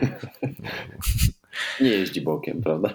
Dokładnie. Ale to tak jak mówisz właśnie, y, czy też w, właśnie w którymś podcaście, gdzie chyba dr Huberman był gościem, Y, znowu dał taki mały, taki małą podpowiedź, mały, mały tip i z kolei właśnie pamiętam, że, że ja to wyciągnąłem dla siebie, bo kiedyś to intuicyjnie robiłem i tak zastanawiałem się, czy to faktycznie działa. I on tak mi pokazał właśnie jedną rzecz, że um, po pierwsze, jak najszybciej rano zaczerpnąć tego, tego światła dziennego, czyli choćby wystawić głowę na parę minut y, przez okno, przez balkon. Wiadomo, w idealnym świecie wyjść na 10-15 minut na spacer, prawda? Żeby się tam tym, tym, tym wszystkim prześwie, prze, prześwietlić. E, natomiast na przykład powiedział o kofeinie, o kawie. Ja od jakiegoś czasu na przykład przeciągam sobie e, swoją pierwszą kawę o mniej więcej 2-3 godziny od, od momentu wstania. I na przykład e, on zaproponował, teraz on jest oczywiście mądrzejszy, użył dokładnie nazwy tego, tego, tego hormonu, który, który rano jest. Adenozyna. O właśnie, pięknie, dziękuję Ci. I to jest to jest coś, co w najprostszym języku jest tym naszym porannym zmęczeniem. A, Czyli... to co innego jeszcze, bo adenozyna to jest po prostu coś, co się odkłada i jakby twojemu organizmowi mówi, dobra, już tyle czasu minęło, że do łóżka.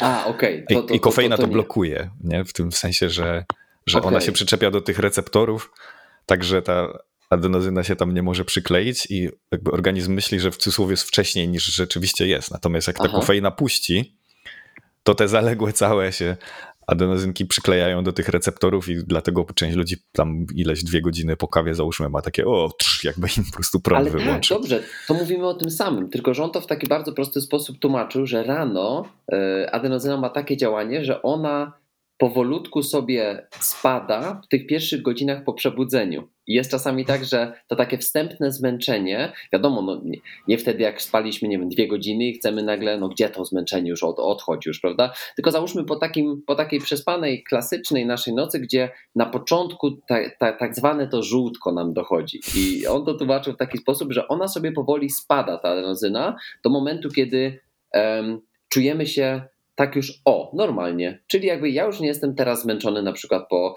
e, po, po spaniu. I e, kofeina e, jest właśnie blokadą tego, czyli napijemy się kawy, a jeżeli nie, nie do końca pozbyliśmy się adenozyny, to ona do nas wróci z powrotem właśnie po tej kawie i będzie sobie dalej tam spadać i tak jak powiedziałeś, 2-3 godziny może po, po wypiciu kawy, ona dalej sobie będzie tak, e, tak tam spadać. I on powiedział, żeby przynajmniej te 120 minut, ma tak 90-120 minut przedłużyć sobie e, ten, tą pierwszą kawę, żeby nam się właśnie ta kofeina nie wpierdzieliła w naturalne spadanie tej, hmm. tej, tej, adenozyny. I tak no tam... intuicyjnie miało to sens. Ja, no. tak, ja tak oczywiście sparafrazowałem to, wiesz, tak, najprostszym, tak. dramatycznym uproszczeniem. Ja nie, też nie, nie jestem jakimś tam wielkim fizjologiem, medykiem czy kimś, też mnie to fascynuje. Mhm. E, wiemy jedno, że nasz organizm, jak cały, cała przyroda, nienawidzi zrywów. Nie, że mm, w przyrodzie rzadko rzeczy się dzieją tak dramatycznie i z dnia na dzień. I nawet jak mamy huragan, to czy, właśnie, to fajnie widać, jak, jak wiatr mocny wieje, nie? że drzewo się tak ugina. Ono nie jest sztywne całe, mhm. tylko ono się ugina. I oczywiście raz na jakiś czas jest dramat typu wielki pożar, e, czy tam wichura, która wyrywa drzewa z korzeniami.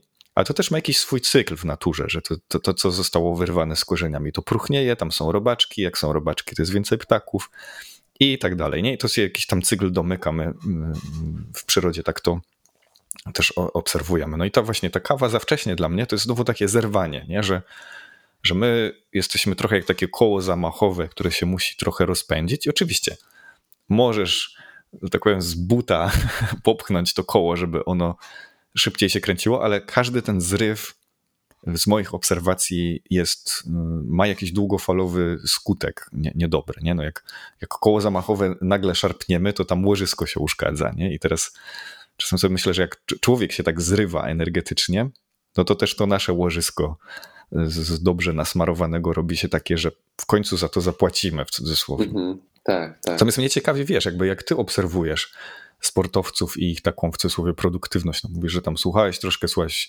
Hubermana, coś tam mojego mm, i jakie są twoim zdaniem takie właśnie największe wyzwania w takim w cudzysłowie produktywności sportu? Perfekcjonizm. Hmm. Tak mi się wydaje, że, że to jest coś, co na pierwszym miejscu postawiłbym jako, e, jako wyzwanie na wyższym poziomie w sporcie. E, w sporcie amatorskim, czyli tych kandydatów e, do, do, do takiego mm, uprawiania profesjonalnego sportu, to jest e, chyba zbyt dużo oczekiwania i wymagania. Mm bo jednak u takich u nastolatków e, trzeba im wrzucić w cały dzień ich funkcjonowania 7-8 godzin w szkole, poranne, poranne zrywanie, bo to jest u mhm. nich, to, to, to nie jest jakby zaplanowane wstawanie, tylko zrywanie. E, I po szkole zazwyczaj jest oczywiście czas treningu, po czasie treningu jest czas nauki, i teraz dobrze, żeby jeszcze oni w tym czasie wrzucili rozciąganie, rolowanie, e, jakieś, e, jakaś nauka może języka, może jakieś, e, nie wiem, słuchanie podcastów. I teraz jakby to tak w godzinach obliczyć, to, to jest trudne po prostu do ogarnięcia. I teraz widziałem na przykład w czasie pandemii, co się, co się wydarzyło u, u chłopaków, z którymi pracowałem, gdzie nie lada wyzwanie się pojawiło, bo trzeba było przeprogramować troszeczkę swoją psychikę. I widziałem, że ci, którzy mieli w sobie taką gotowość, e, żeby spróbować właśnie nie gonić, nie zrywać się, ale za, z, spróbować być bardziej efektywnymi, to naprawdę fajnie im to wychodziło. I oni wręcz byli dumni z siebie, że, że, że wiesz, potrafili na przykład wstać o tej szóstej, wykonać sobie jakieś ćwiczenia poranne, e, przygotować sobie swoje rzeczy, coś popisać w dzienniku, przeczytać pół godziny książki i zaczynali lekcje, prawda? I byli tacy rzeźcy, skoncentrowani, tak żyli, czuli, że, że naprawdę żyją. I wróciła ta szkoła stacjonarna, wielu z nich znowu wpadło w w rytm po prostu tego takiego zapieprzania po prostu w ciągu, w ciągu dnia. Więc młodzi ludzie powiedziałbym to mhm. i, i, jakby jeszcze nie mogę tego rozkryć, czy to też wpływa na, na ich późniejszą taką chęć do, do pracy, do treningu, do robienia coś ekstra, i może nawet powoduje wypalenie sportowe, bo wyobraź sobie, że to ciężko często się wyobraża w szkołach sportowych, więc absolutnie wszystko tam jest dostosowane pod e, trening, wiesz, i mhm. efektywność, mhm. działanie, e, cały, wiesz, cały, cały mikrocykl jest dostosowany pod to, żeby, żeby do tego meczu, wiesz, zrobić 7-8 jednostek treningowych i potem wyjść i, i grać. No a u tych pro to bym powiedział perfekcjonizm. Mhm. A jak walczycie z perfekcjonizmem, tak z ciekawością? Już może masz takiego kogoś już bardziej pro, bo o tych młodszych to pewnie sobie zaraz porozmawiamy, co tu się da zrobić, ale no to jest jeden z trudniejszych tematów, nie? Taki, bo perfekcjonizm to jest często coś, co się właśnie wyniosło i co masz tak już w psychę wbudowane, że to jest trochę tak, jakbyś chciał, wiesz, fajny dom, a teraz przenieśmy go dwa metry w lewo, nie? To się z tym kojarzy, że stoi na jakimś fundamencie już takim, że ciężko tym przesuwać, ale się da, e, tylko mhm. że, mm, że no, to jest trudne, a perfekcjonistów u nas nie brakuje, tak na naszej szerokości geograficznej. No i powiem ci, że, że to tak y, już wcześniej dotknęliśmy y, takich troszeczkę głębszych y, tematów z tym związanych, bo bo ja sam jakby po sobie widziałem, że, że ja uprawiając sport na poziomie zawodowym właśnie byłem po tej stronie balustrady, czyli ciągle mi się wydawało, że robię za mało, e, choć robiłem za dużo. Moje ciało mówiło, że robię za dużo, ale w mojej głowie robiłem za mało.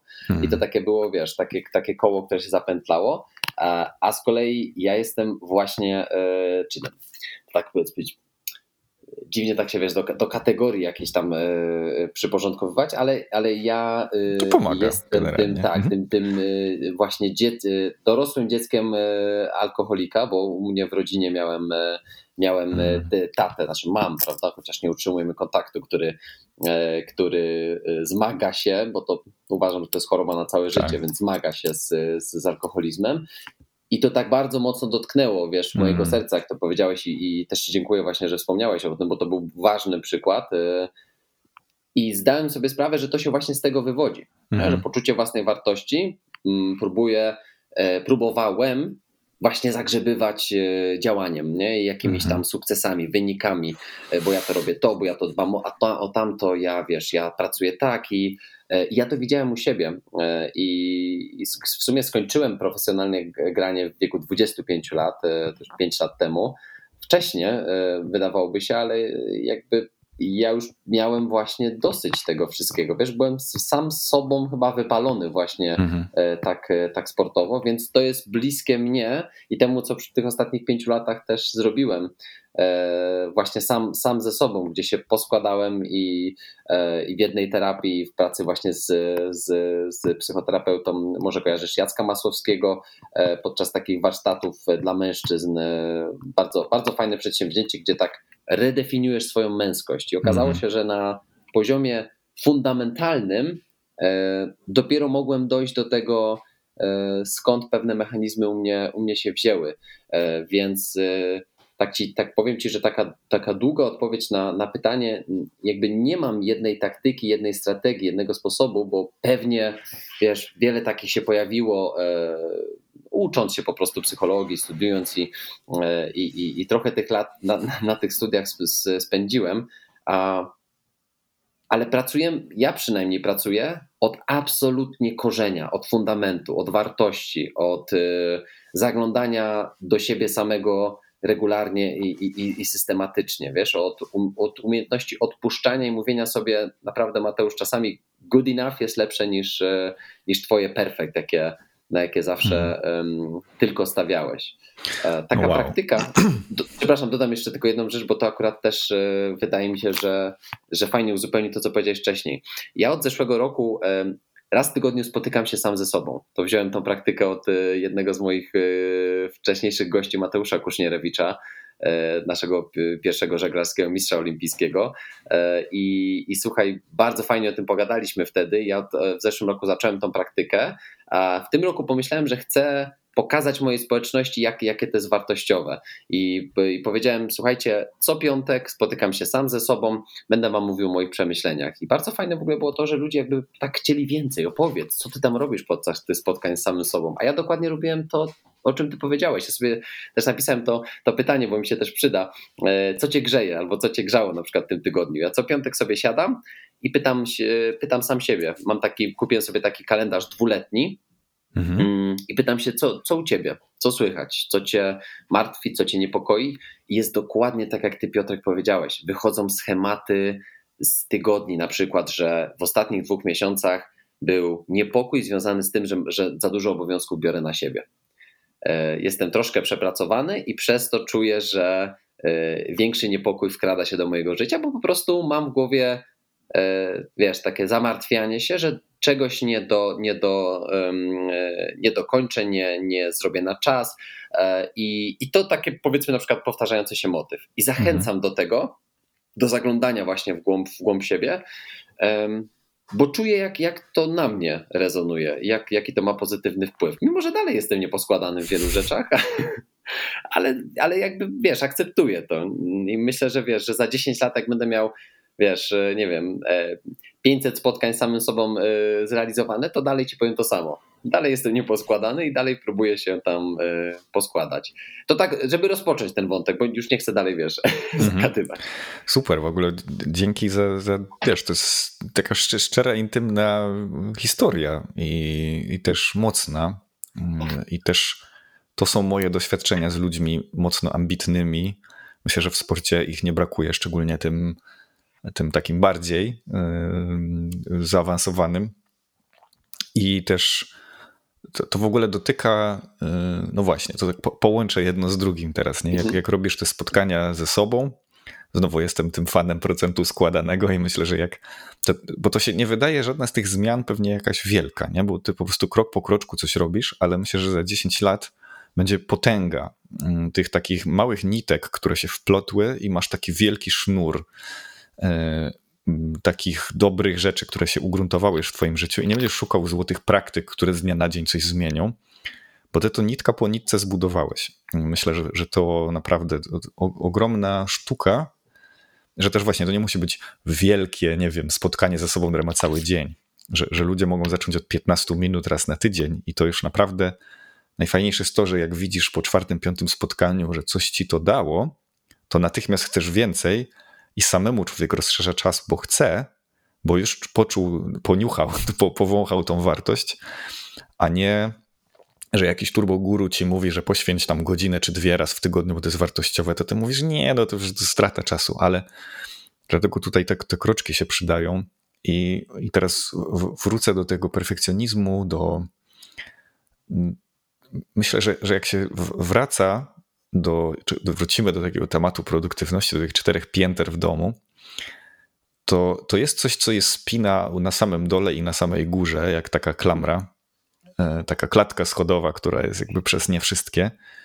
Mm, I to, jest, to są właśnie wartości, ale też takie przekonania, których nabraliśmy w życiu. I mnóstwo z nich jest nieuświadomionych, i też bym to powiedział, dlaczego takie właśnie journalowanie, czy pisanie jakichś dzienników, czy przyglądanie się ma duży sens bo nagle widzimy wzorzec rzeczy, które, e, które się powtarzają w, w odczuwaniu czy w myśleniu o świecie. I e, na przykład e, można się przyjrzeć temu, co w dzieciństwie dawało mi poczucie bycia kochanym i akceptowanym. I teraz wśród osób wysoko ambitnych najczęściej jest tak, że ktoś się urodził zdolny, bo nie wiem, był zdolny w szkole, bo miał dobre oceny, albo szedł na jakąś olimpiadę, albo znowu był wybitnie usportowiony, albo coś w tym stylu. I teraz robienie tych rzeczy, to ci przyklaskiwali, wszyscy mówili: Wow, to już super, w ogóle wow, ale ty to umiesz. Nie? I jeśli brakło takich afirmacji, afirmacji, czyli takich, nie, nie, bo pochwała jest za coś, nie? że świetnie to zrobiłeś. Pochwały też są ważne dla dzieci, że, że uczysz się, że jak to zrobisz, to to się wiąże z jakimś taką aprobatą i to jest fajne, mhm. ale też afirmacje są bezwarunkowe. Na przykład kochamy cię, jesteś ważny i dawanie tego poczucia bezwarunkowo, za nic. Też tak, jakby... czy, czy strzelisz trzy bramki, czy zero, ja i tak cię kocham. Tak, ko kocham i też jesteś ważny, jesteś zdolny, jesteś mhm. mądry i tak dalej. Y, I, I, dla dzieciaka to jest ogromnie ważne. I teraz, jeśli afirmacji było mało albo w ogóle, a pochwał było dużo, to dużo ludzi sobie wyrabia taki, taki schemat i mechanizm, że y, takie robię, więc jestem. Nie? Że mhm. nic dziwnego, że ja nie umiem się zatrzymać, albo zrobić mniej, albo ciągle jest za mało, no bo mam taki schemat, który wyniosłem z nieuświadomionego dzieciństwa, że robić i osiągać dużo daje mi bycie kochanym. No trudno powiedzieć człowiekowi nagle, żeby to wyłączył. Nie? To, to jest też takie zejście do, tych, do tej piwnicy w tym domu nie? i stwierdzenie, że no ja mogę zapieprzeć całe życie, mogę sobie, bo ludzie do mnie przychodzą też, nie, że mi pomógł zrobić jeszcze więcej, czy co, ja patrzę na nich i wiem, że ich rozwiązaniem jest zrobić mniej, tylko w tak. troszkę inną stronę nawet. Mm, ale to jest, no, ja mam do czynienia z, właśnie z osobami, to nie, niemałą liczbą tych dorosłych dzieci alkoholików, czy właśnie z jakichś takich, bo że nie wszyscy, bo to też nie jest jakaś stygma, po prostu nie, niektóre z tych domów, bo to może być dobry dom z mnóstwem kasy i bez alkoholu, ale y, widzę, mocno na mnie działa to, to połączenie, że było mało afirmacji, a dużo pochwał. Mhm. I, I potem można tych wszystkich guru słuchać, tych rozwoju osobistego, oni tam mówią afirmuj, wizualizuj, to tak brzmi aż czasami śmiesznie, ale tak. jest w tak. tym moc, muszę powiedzieć, w tym, że my sami już jako dorośli dajemy sobie, tym naszym wewnętrznym dzieciom to, czego być może nie dostały, nie? I, i ta dupka puszcza trochę, że już nagle nie musisz nikomu nic udowadniać, nie, rozumiesz, że to jest w twoim życiu to osiąganie i zapieprzenie jest formą zasługiwania na miłość, a na miłość się nie chce zasługiwać. Nie? To jest w ogóle jakby wykluczają. Dlatego czy część kończy w takich potem związkach, układach i dziwnych sytuacjach, że, że tam właśnie to zasługiwanie na miłość ją zabija.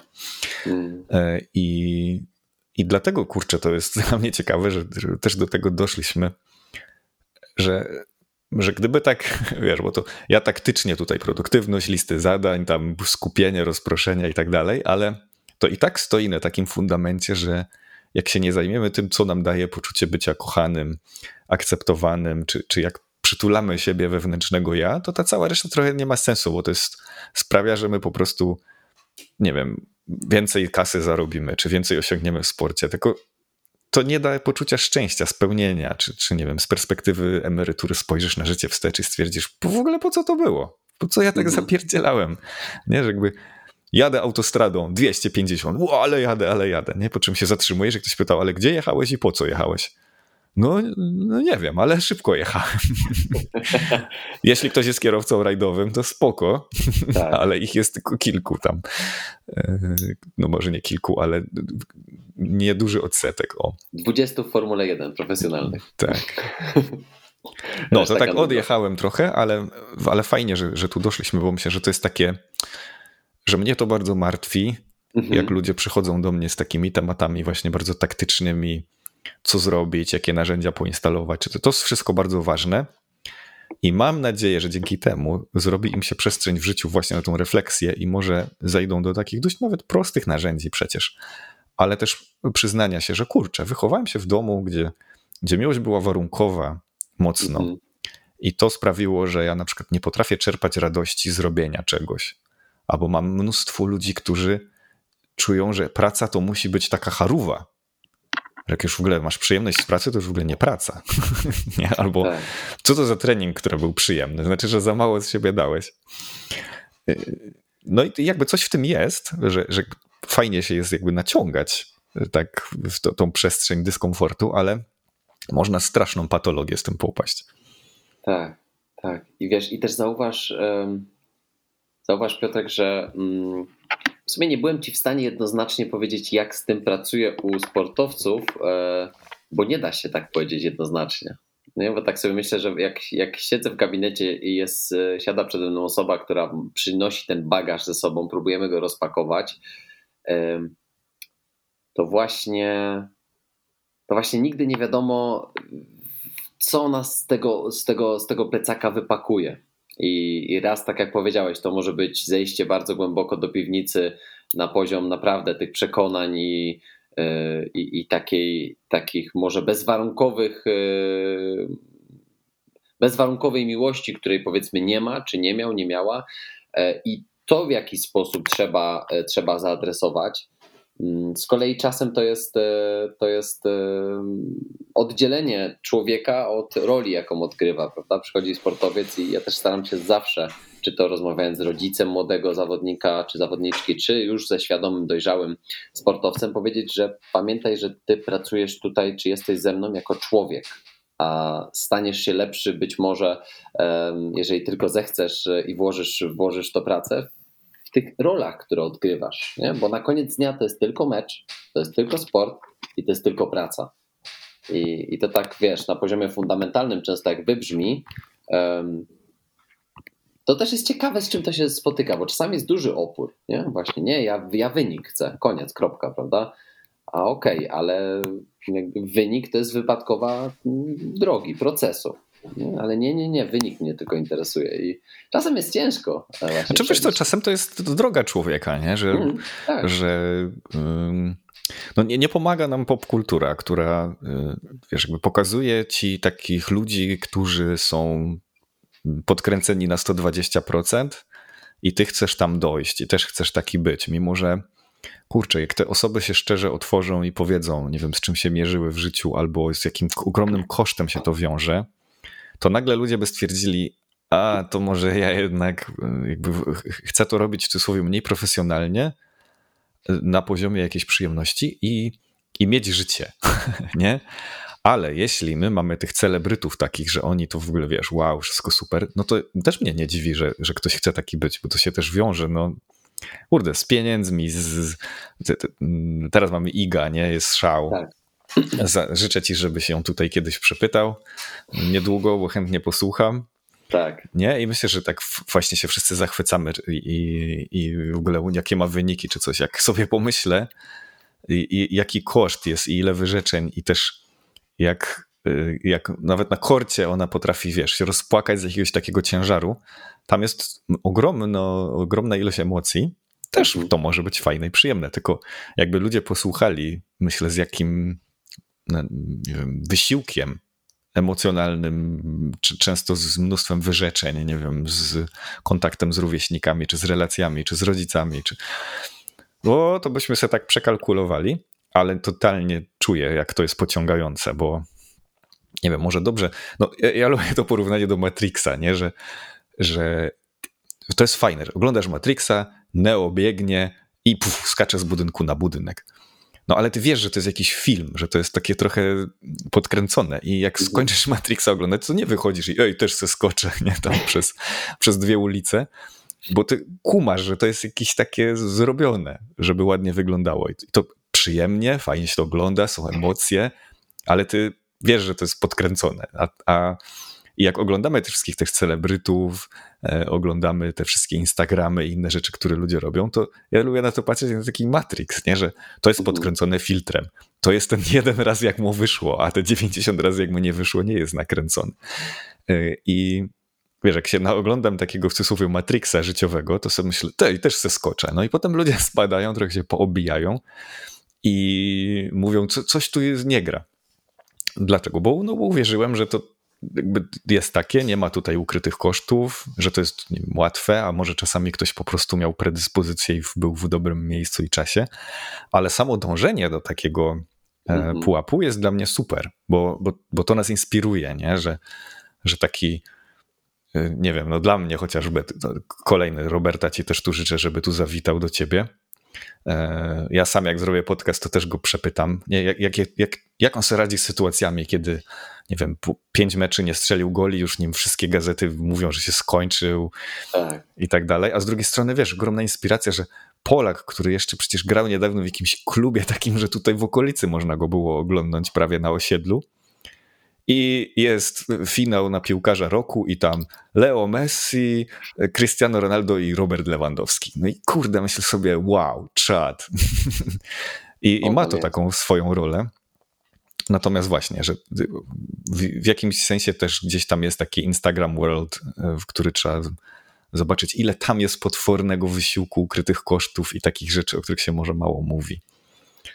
No i, i, tak y, właśnie wydaje mi się, że społeczeństwo gloryfikuje y, to co, to, co tak pięknie sfiltrowane widzimy, ale z kolei mam wrażenie, że jest dobry, e, to jest dobry czas dla zdrowia psychicznego sportowców, bo w ostatnim hmm. czasie jest tego dużo więcej niż kiedykolwiek. I, I mnie to cieszy bardzo, bo ten temat jest, jest popularny, a to pokazuje tą najprawdziwszą prawdę z właśnie z tego, z tego wszystkiego, co jest pod wierzchołkiem, który, który, którego zaledwie może kilka procent e, widzimy. I to nie ma kogoś odciągnąć, zdemotywować, prawda? E, I powiedzieć, e, to, to, to ciężko, to ja nie chcę, tylko żebyśmy sobie faktycznie zdali sprawę, że to jest proces, to naprawdę trwa, to nie jest łatwe, tam jest masa wyrzeczeń, e, ale jest też masa niesamowitych, Piękne.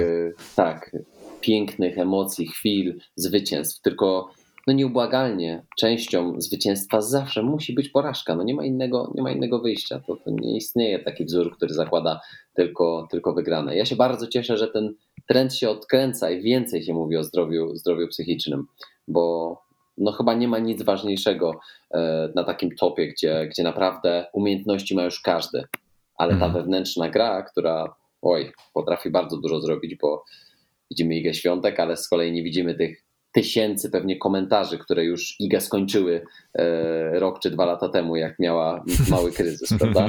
A teraz te same osoby siedzą i przyklaskują brawo Iga, nasza kochana, tak. prawda? Tak, a ona robi swoje. Natomiast też, wiesz, jakby też wlatując znowu może na, na takie narzędzia, też, no bo można pomyśleć, czemu też o tym rozmawiamy, bo to się jak taki zapach z piwnicy roznosi po tych wszystkich piętrach w, w domu i jeśli się czuję niedobrze ze sobą, czuję, że coś jest nie tak, um, mam jakieś takie właśnie niepokój, że nie potrafię siąść i się zadumać, bo to przecież nie jest zrobienie, to nie osiągnę za dużo i tak dalej. No i potem na takim zwykłym, codziennym poziomie przychodzą do mnie osoby i mówią, co mam zrobić, bo nadużywam telefonu, albo właśnie nie mogę się skupić, albo wiesz, grzebiemy oczywiście, możemy poinstalować apki, ktoś sobie tam może wejść w, w iPhone'a czy Androida, ustawienia, czas przed ekranem, cyfrowy dobrostan i sobie tam zobaczyć. Ile to ja ciupałem w ten World of Tanks, czy tam siedziałem na Facebooku czy Instagramie, to nie, niektórzy tak, tak mają, znają, mówi, ja prawie nie używam telefonu. I tak weszliśmy kiedyś, on właśnie World of Tanks, 5,5 godziny tygodniowo i tak mówi, o kurde, to nawet nie wiedziałem. Że tak po troszku codziennie, po tam ten i się, i się sumuje i to jest też jakaś informacja, możesz sobie to skonfigurować, e, czy na komputerze, czy na komórce, dajesz limit dzienny. To część ludzi nawet nie wie, że ich telefon ma to wbudowane. Tak, tak. Więc tego się możemy nauczyć, ale ostatecznie na końcu jest tak, że po prostu siadamy, jest chwila ciszy, umysł zaczyna robić swoje, może jakieś emocje, co to były tuż pod powierzchnią, wychodzą i teraz o, o spieprzamy.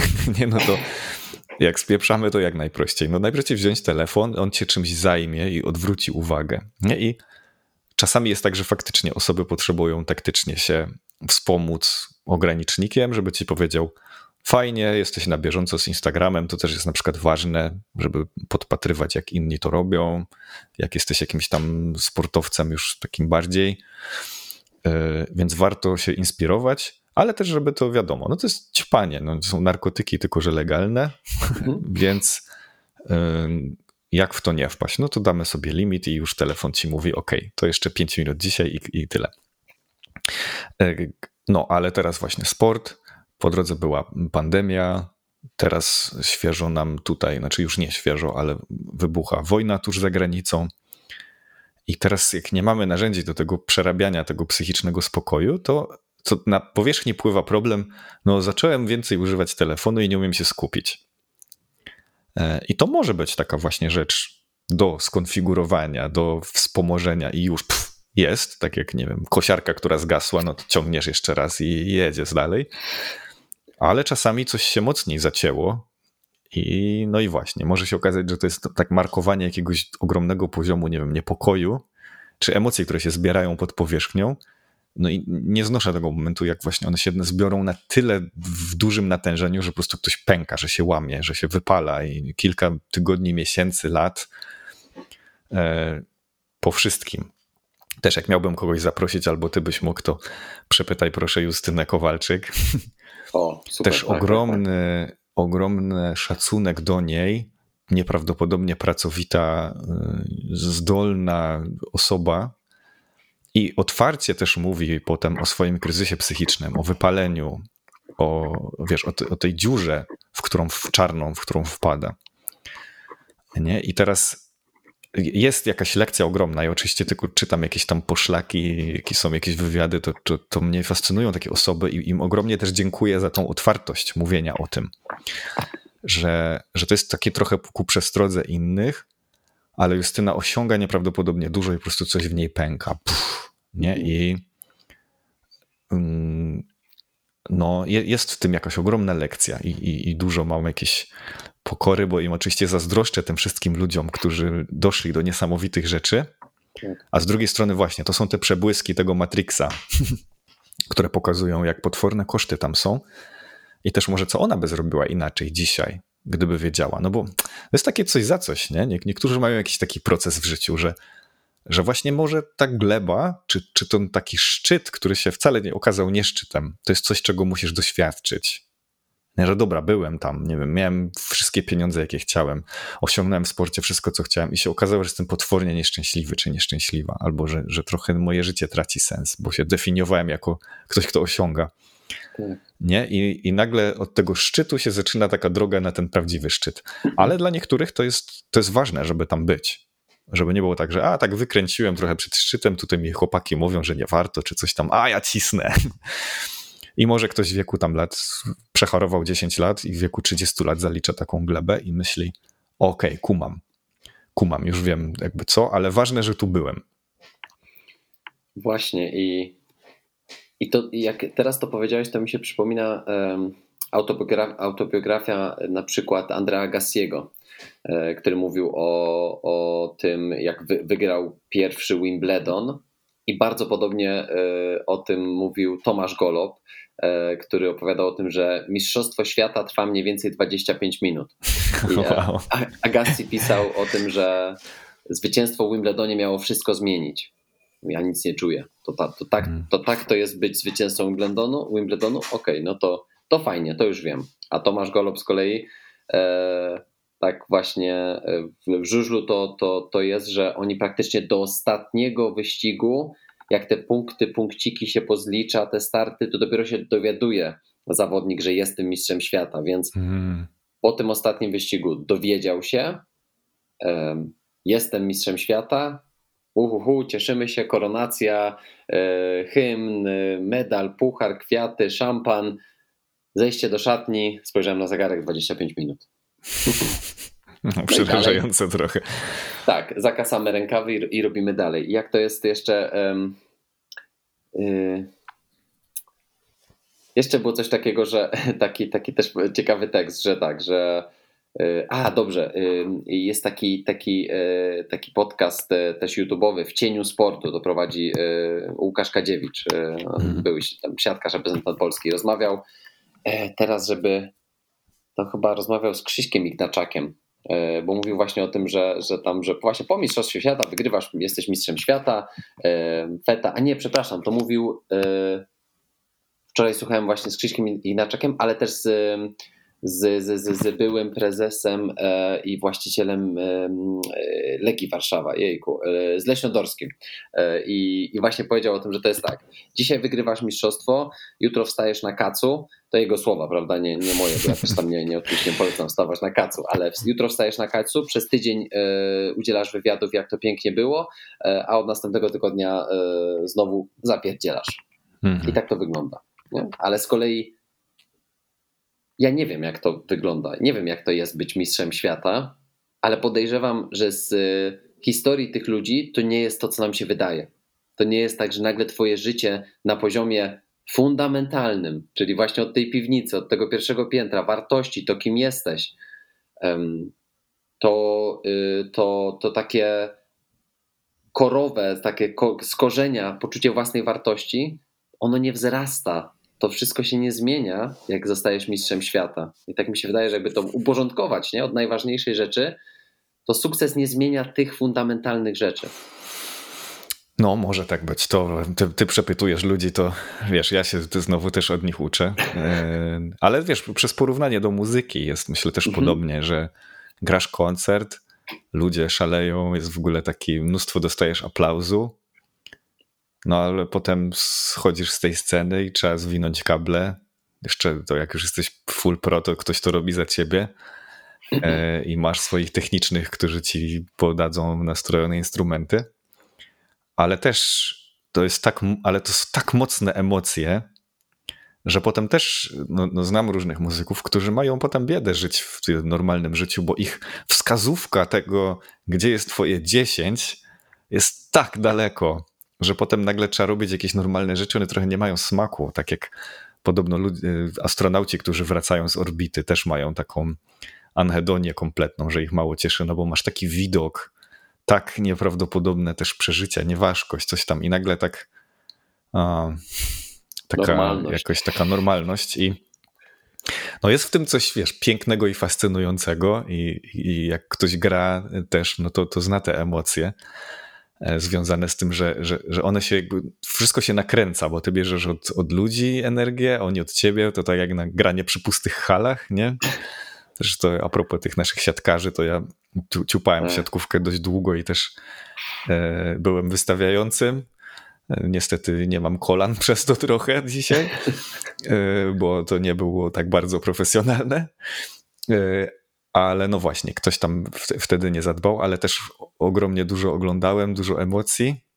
E, no i potem ja oryginalnie ze Śląska jestem, to pamiętam w spotku jakieś mecze typu tam, nie wiem, Polska-Serbia to wtedy było, bo to z 15 lat temu musiało być te, te dość słynne takie i pamiętam po prostu poziom hałasu, emocji, wszystkiego. I potem jak sobie wyobrażam, że oni mieli grać przy pustej hali, o Jezu, nie, to jest w ogóle jakiś kosmos. I ten ogrom emocji, które się wiąże nie wiem, ze sportem, ale z muzyką, z koncertami. Myślę, że to totalnie można przełożyć, tylko że muzycy mają czasami trasę koncertową, wiesz, codziennie co dwa dni przez trzy miesiące.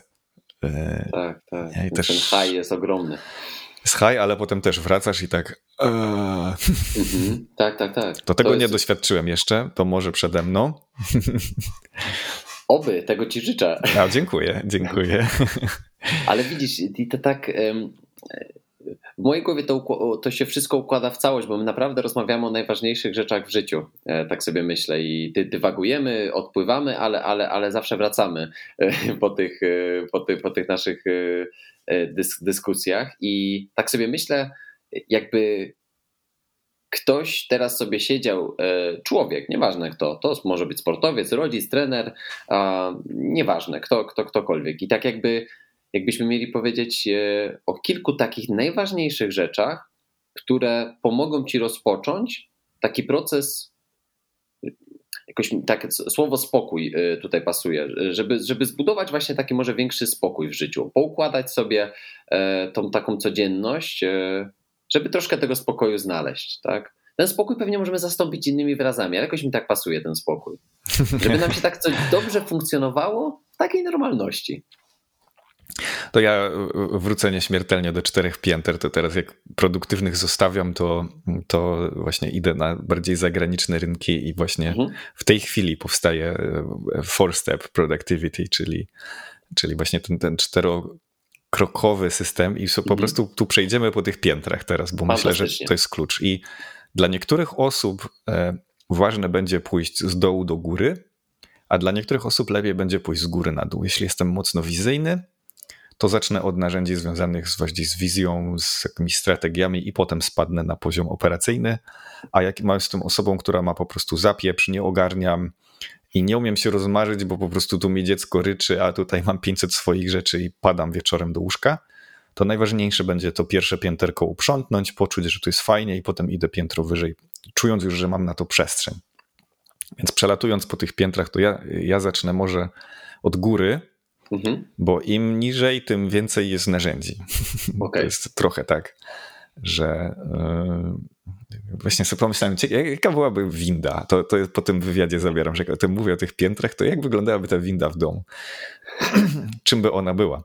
No. Ale y, narzędzie na piętrze czwartym, czyli takim mm, bardziej wizyjnym, czego chcę osiągnąć. Tutaj mamy bardzo dużo rzeczy, które można sobie przetestować, czy kwestionariusze osobowościowe, takie jak Gallupowy, Strengths, tam Finder, czy coś takiego. Można zrobić, nie wiem, polski test Freeze, E, FRIS, czyli mhm. fakty, relacje, idee, struktura. Fajne. E, jest kilka takich narzędzi, nie wiem, nawet jakieś odmiany 16 Personalities, e, Myersy, Bricksy, inne. Teraz już Jung tam w psychologii nie ma się najlepiej, ale to ciągle jest oferowane i daje ludziom jakiś feedback, czy książka, która też dla mnie miała duże znaczenie, twój psychologiczny autoportret. Mhm. Tam też jest taki prosty kwestionariusz i też ten podział na osobę coś mi daje. Więc to jest jedna rzecz, trochę tak się zobaczyć w, w świetle jakby innych, że ja jestem bardziej tu, a ktoś jest bardziej tu. Na przykład dla mnie struktura jest ważna i ważne są emocje. Może dlatego układam rzeczy, ale też zajmuję się muzyką i, i jakby te emocjonalne rzeczy są mi bliskie. Mhm. Drugie duże narzędzie w tym obszarze to jest takie po prostu rozmarzanie się. I tutaj można e, pomyśleć, czy, czy są ćwiczenia typu napisz swój idealny dzień taki, napisz dziennik idealnego dnia. Wstałem rano i, i co? Co się, co się działo? I tak spróbuj po prostu puścić wodze fantazji. Nie wiem, ile masz pieniędzy, co masz, gdzie to masz, ile masz, nie wiem, może masz kilka domów, a może masz pięć samochodów, a może masz, nie wiem, wyspę na Pacyfiku. Mhm. Co robisz, jaką masz pracę, kto tam pracuje, z kim pracujesz, co robisz. Mm, przez relacje, z kim się znasz, co, co robicie, jak się widzicie. I to może być, wiesz, takie dwa, trzy strony, nawet A4 zapisu, nie wiem, że właśnie wstajesz w swoim domu, takim wymarzonym. To to jest taki kop trochę. Pisząc to, często coś się ciekawego dzieje w człowieku. Takim, że nagle widzisz albo, że twoje marzenia są takie malutkie, albo nie mhm. umiesz się w pełni rozmarzyć. E, to też może być jakiś ważny sygnał. Także to, to na tym czwartym pięterku.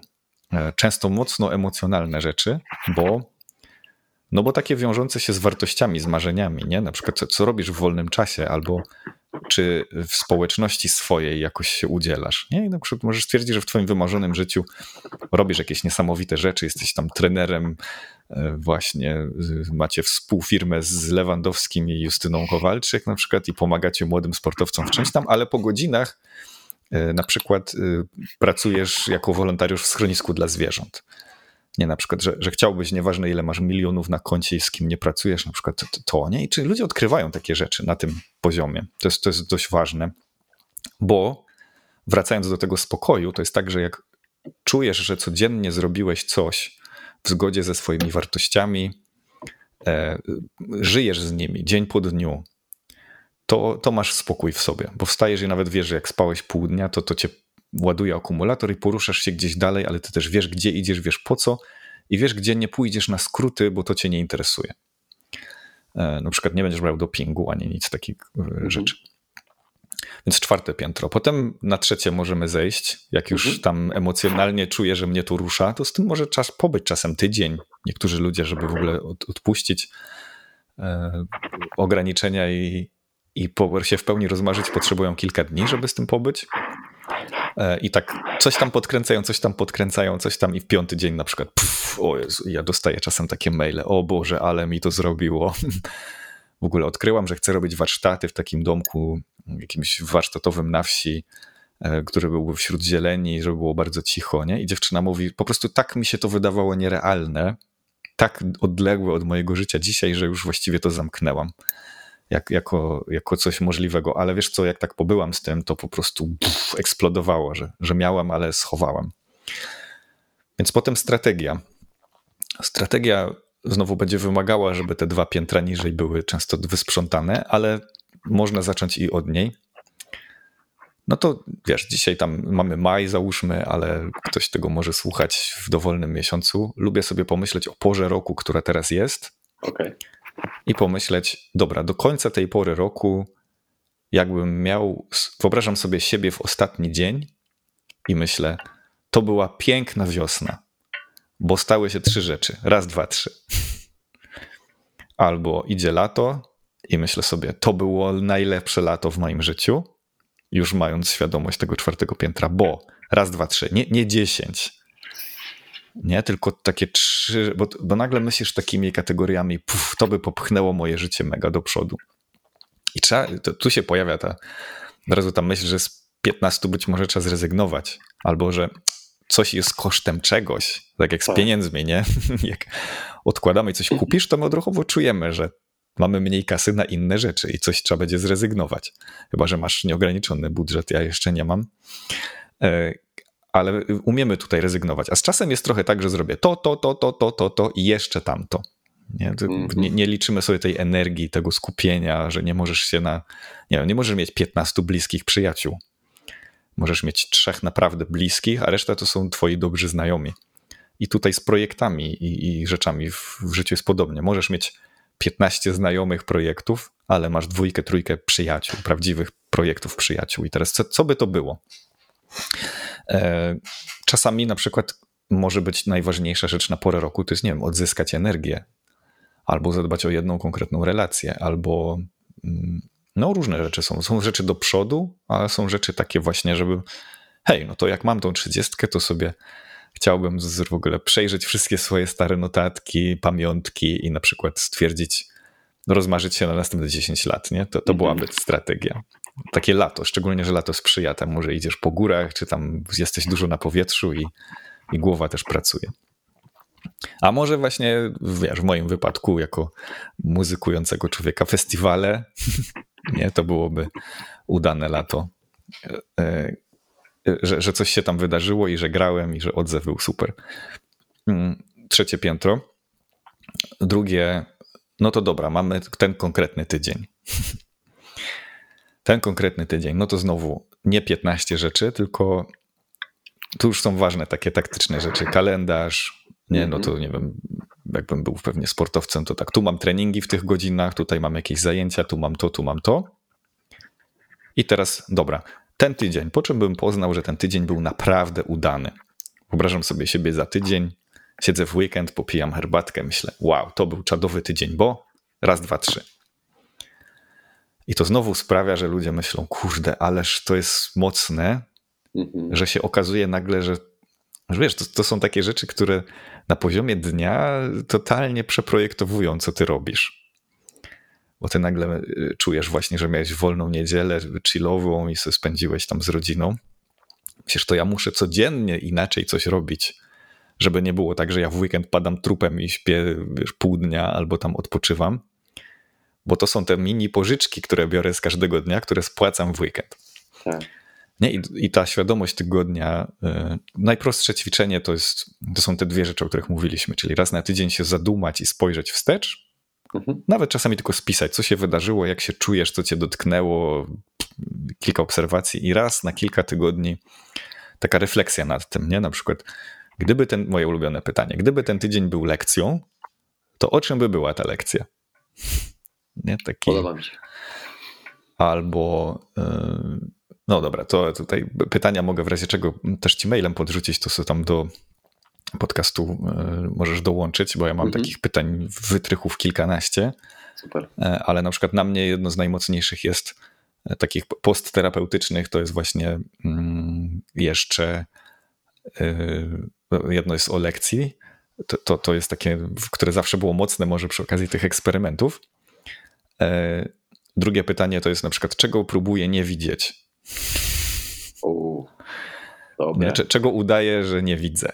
E, To jest często najdłużej się muszę zadumać, bo to chcę szybko, szybko już, nie? Albo przed czym e, się nie chcę przyznać sobie. No, jest kilka pytań, które możesz sobie zadać tam co tydzień i jedno z tych moich ulubionych to pytanie o lekcję, bo lubię tak patrzeć na życie jako taka konkretna nowa lekcja, która się gdzieś tam wydarzyła. Ale też pytanie, no dobra, siądź i spróbuj przypomnieć sobie, jakie najważniejsze rzeczy w tym tygodniu się wydarzyły. Co najważniejszego się wydarzyło w tym tygodniu? No i założę się, że przeciętna osoba wypisuje tak gdzieś między 5 a 20 rzeczy. E, Zazwyczaj tam kilkanaście, bo sobie przypominasz w międzyczasie. I też znowu po kilku tygodniach refleksja, co ja uznaję za najważniejsze, co tu się powtarza, mm. czego to dotyka we mnie.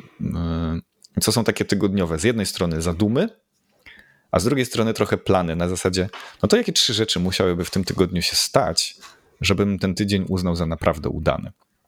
I często tam dotykamy jakichś relacji, projektów, poziomu energii, e, i uczymy się myśleć konkretnie, nie? czyli nie, nie, mogę sobie stawiać celów, że ktoś coś zrobi, bo to ode mnie nie zależy. Jakby coś, co w 100% ode mnie zależy, to co? Że co zrobię? Nie? Poczytam książki, albo obejrzę jakiś film, albo zrobię ileś treningów, albo coś takiego, co, co w 100% jest moje. Mhm. To tydzień, a na poziomie dnia mamy narzędzi, no śmiałbym twierdzić, kilkadziesiąt i każdy pomaga w jakiejś jednej konkretnej rzeczy. Ja myślę, że tutaj najwięcej, co ludziom daje, to jest po pierwsze ogarnięcie tego, co konkretnie chcę zrobić. I tutaj e, najlepszy nasz sprzymierzeniec to jest krótka lista. Mhm. Krótka lista sprawia, że mało energii poświęcasz na podjęcie wyboru. Czyli na przykład jak zainstalujemy sobie apkę do list zadań, to ona jak ma 50 zadań, to już jest bezużyteczna. To już jest takie uczucie, nigdy mnie nie zrobisz, to jest za tak, dużo. Tak. Ale jak sobie założysz podlistę, e, nie wiem, nazwiemy ją dzisiaj i przerzucę sobie kilka zadanek na listę dzisiaj, mam nam ich, nie wiem, 5, 6, 7, to masz takie poczucie, wow, po pierwsze wybór jest prosty, bo wybrać jeden z 5 czy 7 jest prosto, a jeden z 50 to jest koszmar. Nie wydajemy tej samej energii znowu, bez sensu na, na podjęcie tej decyzji. Więc krótka lista, samo z książkami, nie? Jest, mam osobę, Jezu, mam listę, 50-100 książek, jak się za to zabrać? Przede wszystkim wybierz 5 do 10 max. Tych następnych, za które naprawdę chcesz się zabrać, w, nie wiem, przez następne 3-6 miesięcy.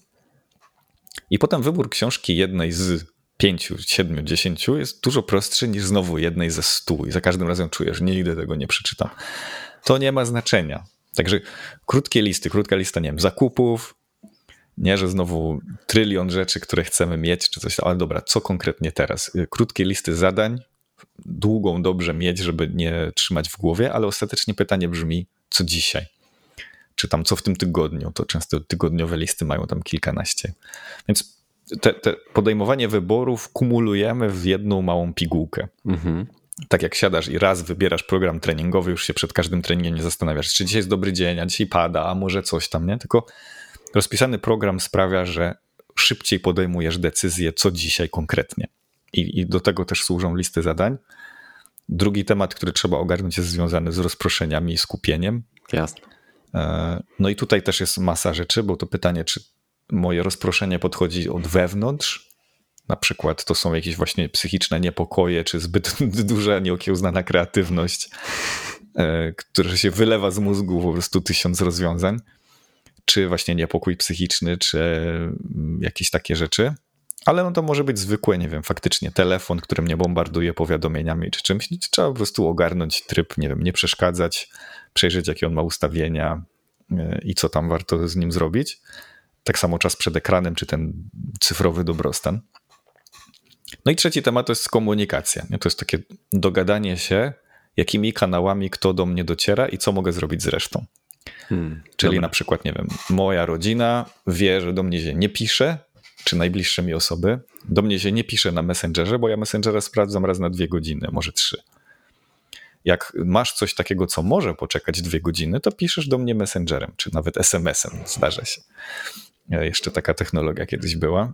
E, natomiast jak ktoś potrzebuje czegoś poniżej dwóch godzin, to wie, że dzwoni od razu. Tak. To, to jest. I, i to posprzątanie tych kanałów komunikacji jest ważne, szczególnie jak się w zespole pracuje. Nie, że na przykład mamy jakąś apkę, tu jakiś Slack, jakieś Messengery, inne komunikatory, czy WhatsAppy. I na przykład ludzie wiedzą, bo się umówiliśmy razem, że średni czas odpowiedzi to jest powiedzmy, nie wiem, godzina, dwie, może trzy ale jak szybciej, to ktoś dzwoni i mnie popycha. I dzięki temu ja mhm. mogę się w pełni zanurzyć w to, co robię, bez tego FOMO ciągłego, a co jak tam ktoś coś napisał, albo a co jak dzwoniła mama, bo przecież tam e, ma mieć operację, załóżmy, czy coś, ale nie wiem o której.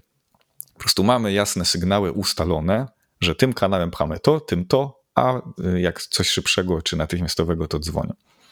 I nie ma takiego potem e, poczucia, że e, ktoś nie wie, jak do mnie dotrzeć, więc on się wkurza, tak. I nie ma też w drugą stronę takiego FOMO, że a co jak ktoś dzwonił, a co jak coś ktoś napisał.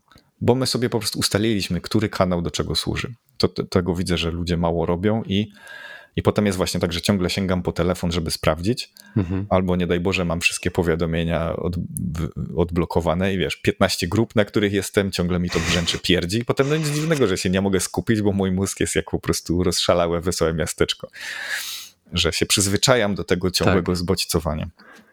Także to jest jakby drugi i trzeci temat związany z takim też komunikacją yy, i rozproszeniami, skupieniem naraz. No i czasami też ustalenie zasad, nie? że yy, w domku mamy jakieś zasady, że na przykład jak to powieszę na drzwiach i je zamknę, to znaczy, że pracuję w pełnym skupieniu i naprawdę to, to daje jakiś próg wejścia, jeśli chodzi o ważność tematów, a to nie jest też tak, że to wisi cały czas, załóżmy, tak. nie. Tylko jest jakaś szczególna rzecz, że coś się dzieje, na przykład taki podcast i wiadomo, że po prostu tu się nie wchodzi i też jak jest jakiś taki gruby temat, że ja go rozgrzebuję i warto go skończyć, to nie rozpraszam się na pierdołę, bo to, e, to tylko zabija energię.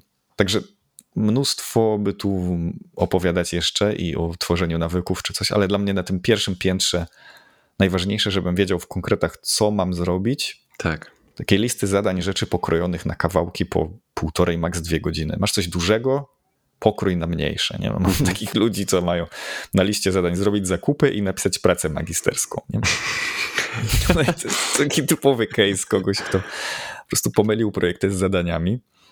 E, ale jak do, do projektu pracy magisterskiej pokroisz to na dobra, co mogę zrobić w dwie godziny, żeby to popchnąć do przodu i to jest na liście zadań, nie? Na przykład ogarnąć spis treści albo, nie wiem, wysłać promotorowi jakąś tam propozycję. E, tak samo w pracy, nie wiem, nad projektami, czy ja robię kurs przez kilka miesięcy, to też mam zadanko pod tytułem, nie wiem, zrób tam wireframe jednej konkretnej strony. Mhm. E, więc muszę na po tym pierwszym poziomie przewidzieć, co konkretnie zrobić, żeby uprościć wybory, zadbać o skupienie rozproszenia i o swoją komunikację ze światem zewnętrznym. To chyba chyba wystrzelałem się z takich wszystkich najważniejszych rzeczy. Wystrzelałeś się, tak. I powiem ci, że, że oj, to, to było tyle praktyki tutaj, e, że to, to trzeba pewnie otworzyć sobie kilka razy, zrobić notatki e, i zadać sobie te ważne pytania. E, gdzie, na którym piętrze potrzebuję tej, tej pracy, ale mnie się bardzo w ogóle podoba ta kolejność tego, bo, bo to trafia do mnie na przykład. Mhm. Jakby to, to dokładnie w jaki sposób to zrobiłeś trafia bardzo do mnie. To ty no. które pięterko obstawiasz? Yy, wiesz co, muszę pozwolić sobie na rozmarzenie się. Mm. Ale z kolei wiem, że to pomoże mi zejść na pierwsze piętro, yy, czy, czy na drugie i posprzątać trochę. Mhm. Ale muszę chyba zacząć, muszę zacząć od rozmarzenia się. Tak, właśnie fajnie też o tym mówisz, bo to jest, z moich doświadczeń to jest tak, że te osoby mm, od razu intuicyjnie czują, czy potrzebują wejść z dołu do góry, czy z góry do dołu, mm-hmm. ale to jest tak, że ta droga jest zazwyczaj w dwie strony, a potem się i tak chodzi tam i z powrotem, czyli tak. Y, sprzątam swoją codzienność, sprzątam projekty, w które mam, widzę, że muszę zrezygnować, nie wiem, ze spotkań z ludźmi, których już nie lubię trochę, a się spotykam, bo tak wyszło, tak. bo mi głupio powiedzieć nie. Tu mam jakieś dwa projekty, które trzeba tylko dokończyć i zamknąć. Potem myślisz, no dobra, to ta wiosna czy lato, to co w nią chcę zrobić konkretnie? I siadam i się rozmarzam tak na bardziej długofalowo, ale to znowu sprawia, że myślę, robię korektę tego, co chcę w to lato zrobić i w związku z tym sprzątam projekty i w związku z tym to mi sprząta listy. Nie? I tak trochę podziałasz i znowu idziesz do góry i znowu na dół. No ale też właśnie o, o, tym trzecim, czwartym pięterku to się myśli tam raz na trzy miesiące albo o szerszym obrazie, nie wiem, pewnie raz na kilka miesięcy. Warto usiąść i zobaczyć, czy to dalej cię grzeje, bo może coś się zmieniło. A tamte na pierwsze piętra to jest tak, że coś robisz codziennie i raz w tygodniu i to jest takie bardzo znowu taktyczne. Ja już, ja już chyba wiem, jak chciałbym, żeby skończyła się moja wiosna i, żeby, i jak żeby wyglądało moje lato. Mam taki pomysł w głowie, także Yeah. zrobi, zrobiliśmy to i mam nadzieję, że ty, który lub która nas, nas teraz słuchasz, też w głowie właśnie zabrzęczało coś, coś ciekawego dla siebie. E, myślę, Piotrek, że możemy to wziąć jak swoje i, e, i jakby jeżeli, jeżeli faktycznie mógłbyś podesłać nawet te pytania, o mhm. których powiedziałeś, to ja wrzucę je właśnie w naszych, w naszych tutaj notatkach do, do odcinka. Będzie można sobie wejść i po prostu zadać ważne pytania samemu lub samej, samej sobie.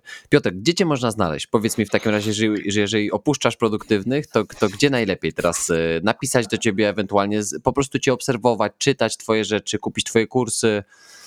Jak najłatwiej. No to tak, rzeczy, które już są dzisiaj, jak to nagrywamy, to na pewno LinkedIn. To jest taka platforma, na której y, można mnie tam obserwować, można mnie dodać do znajomych, mhm.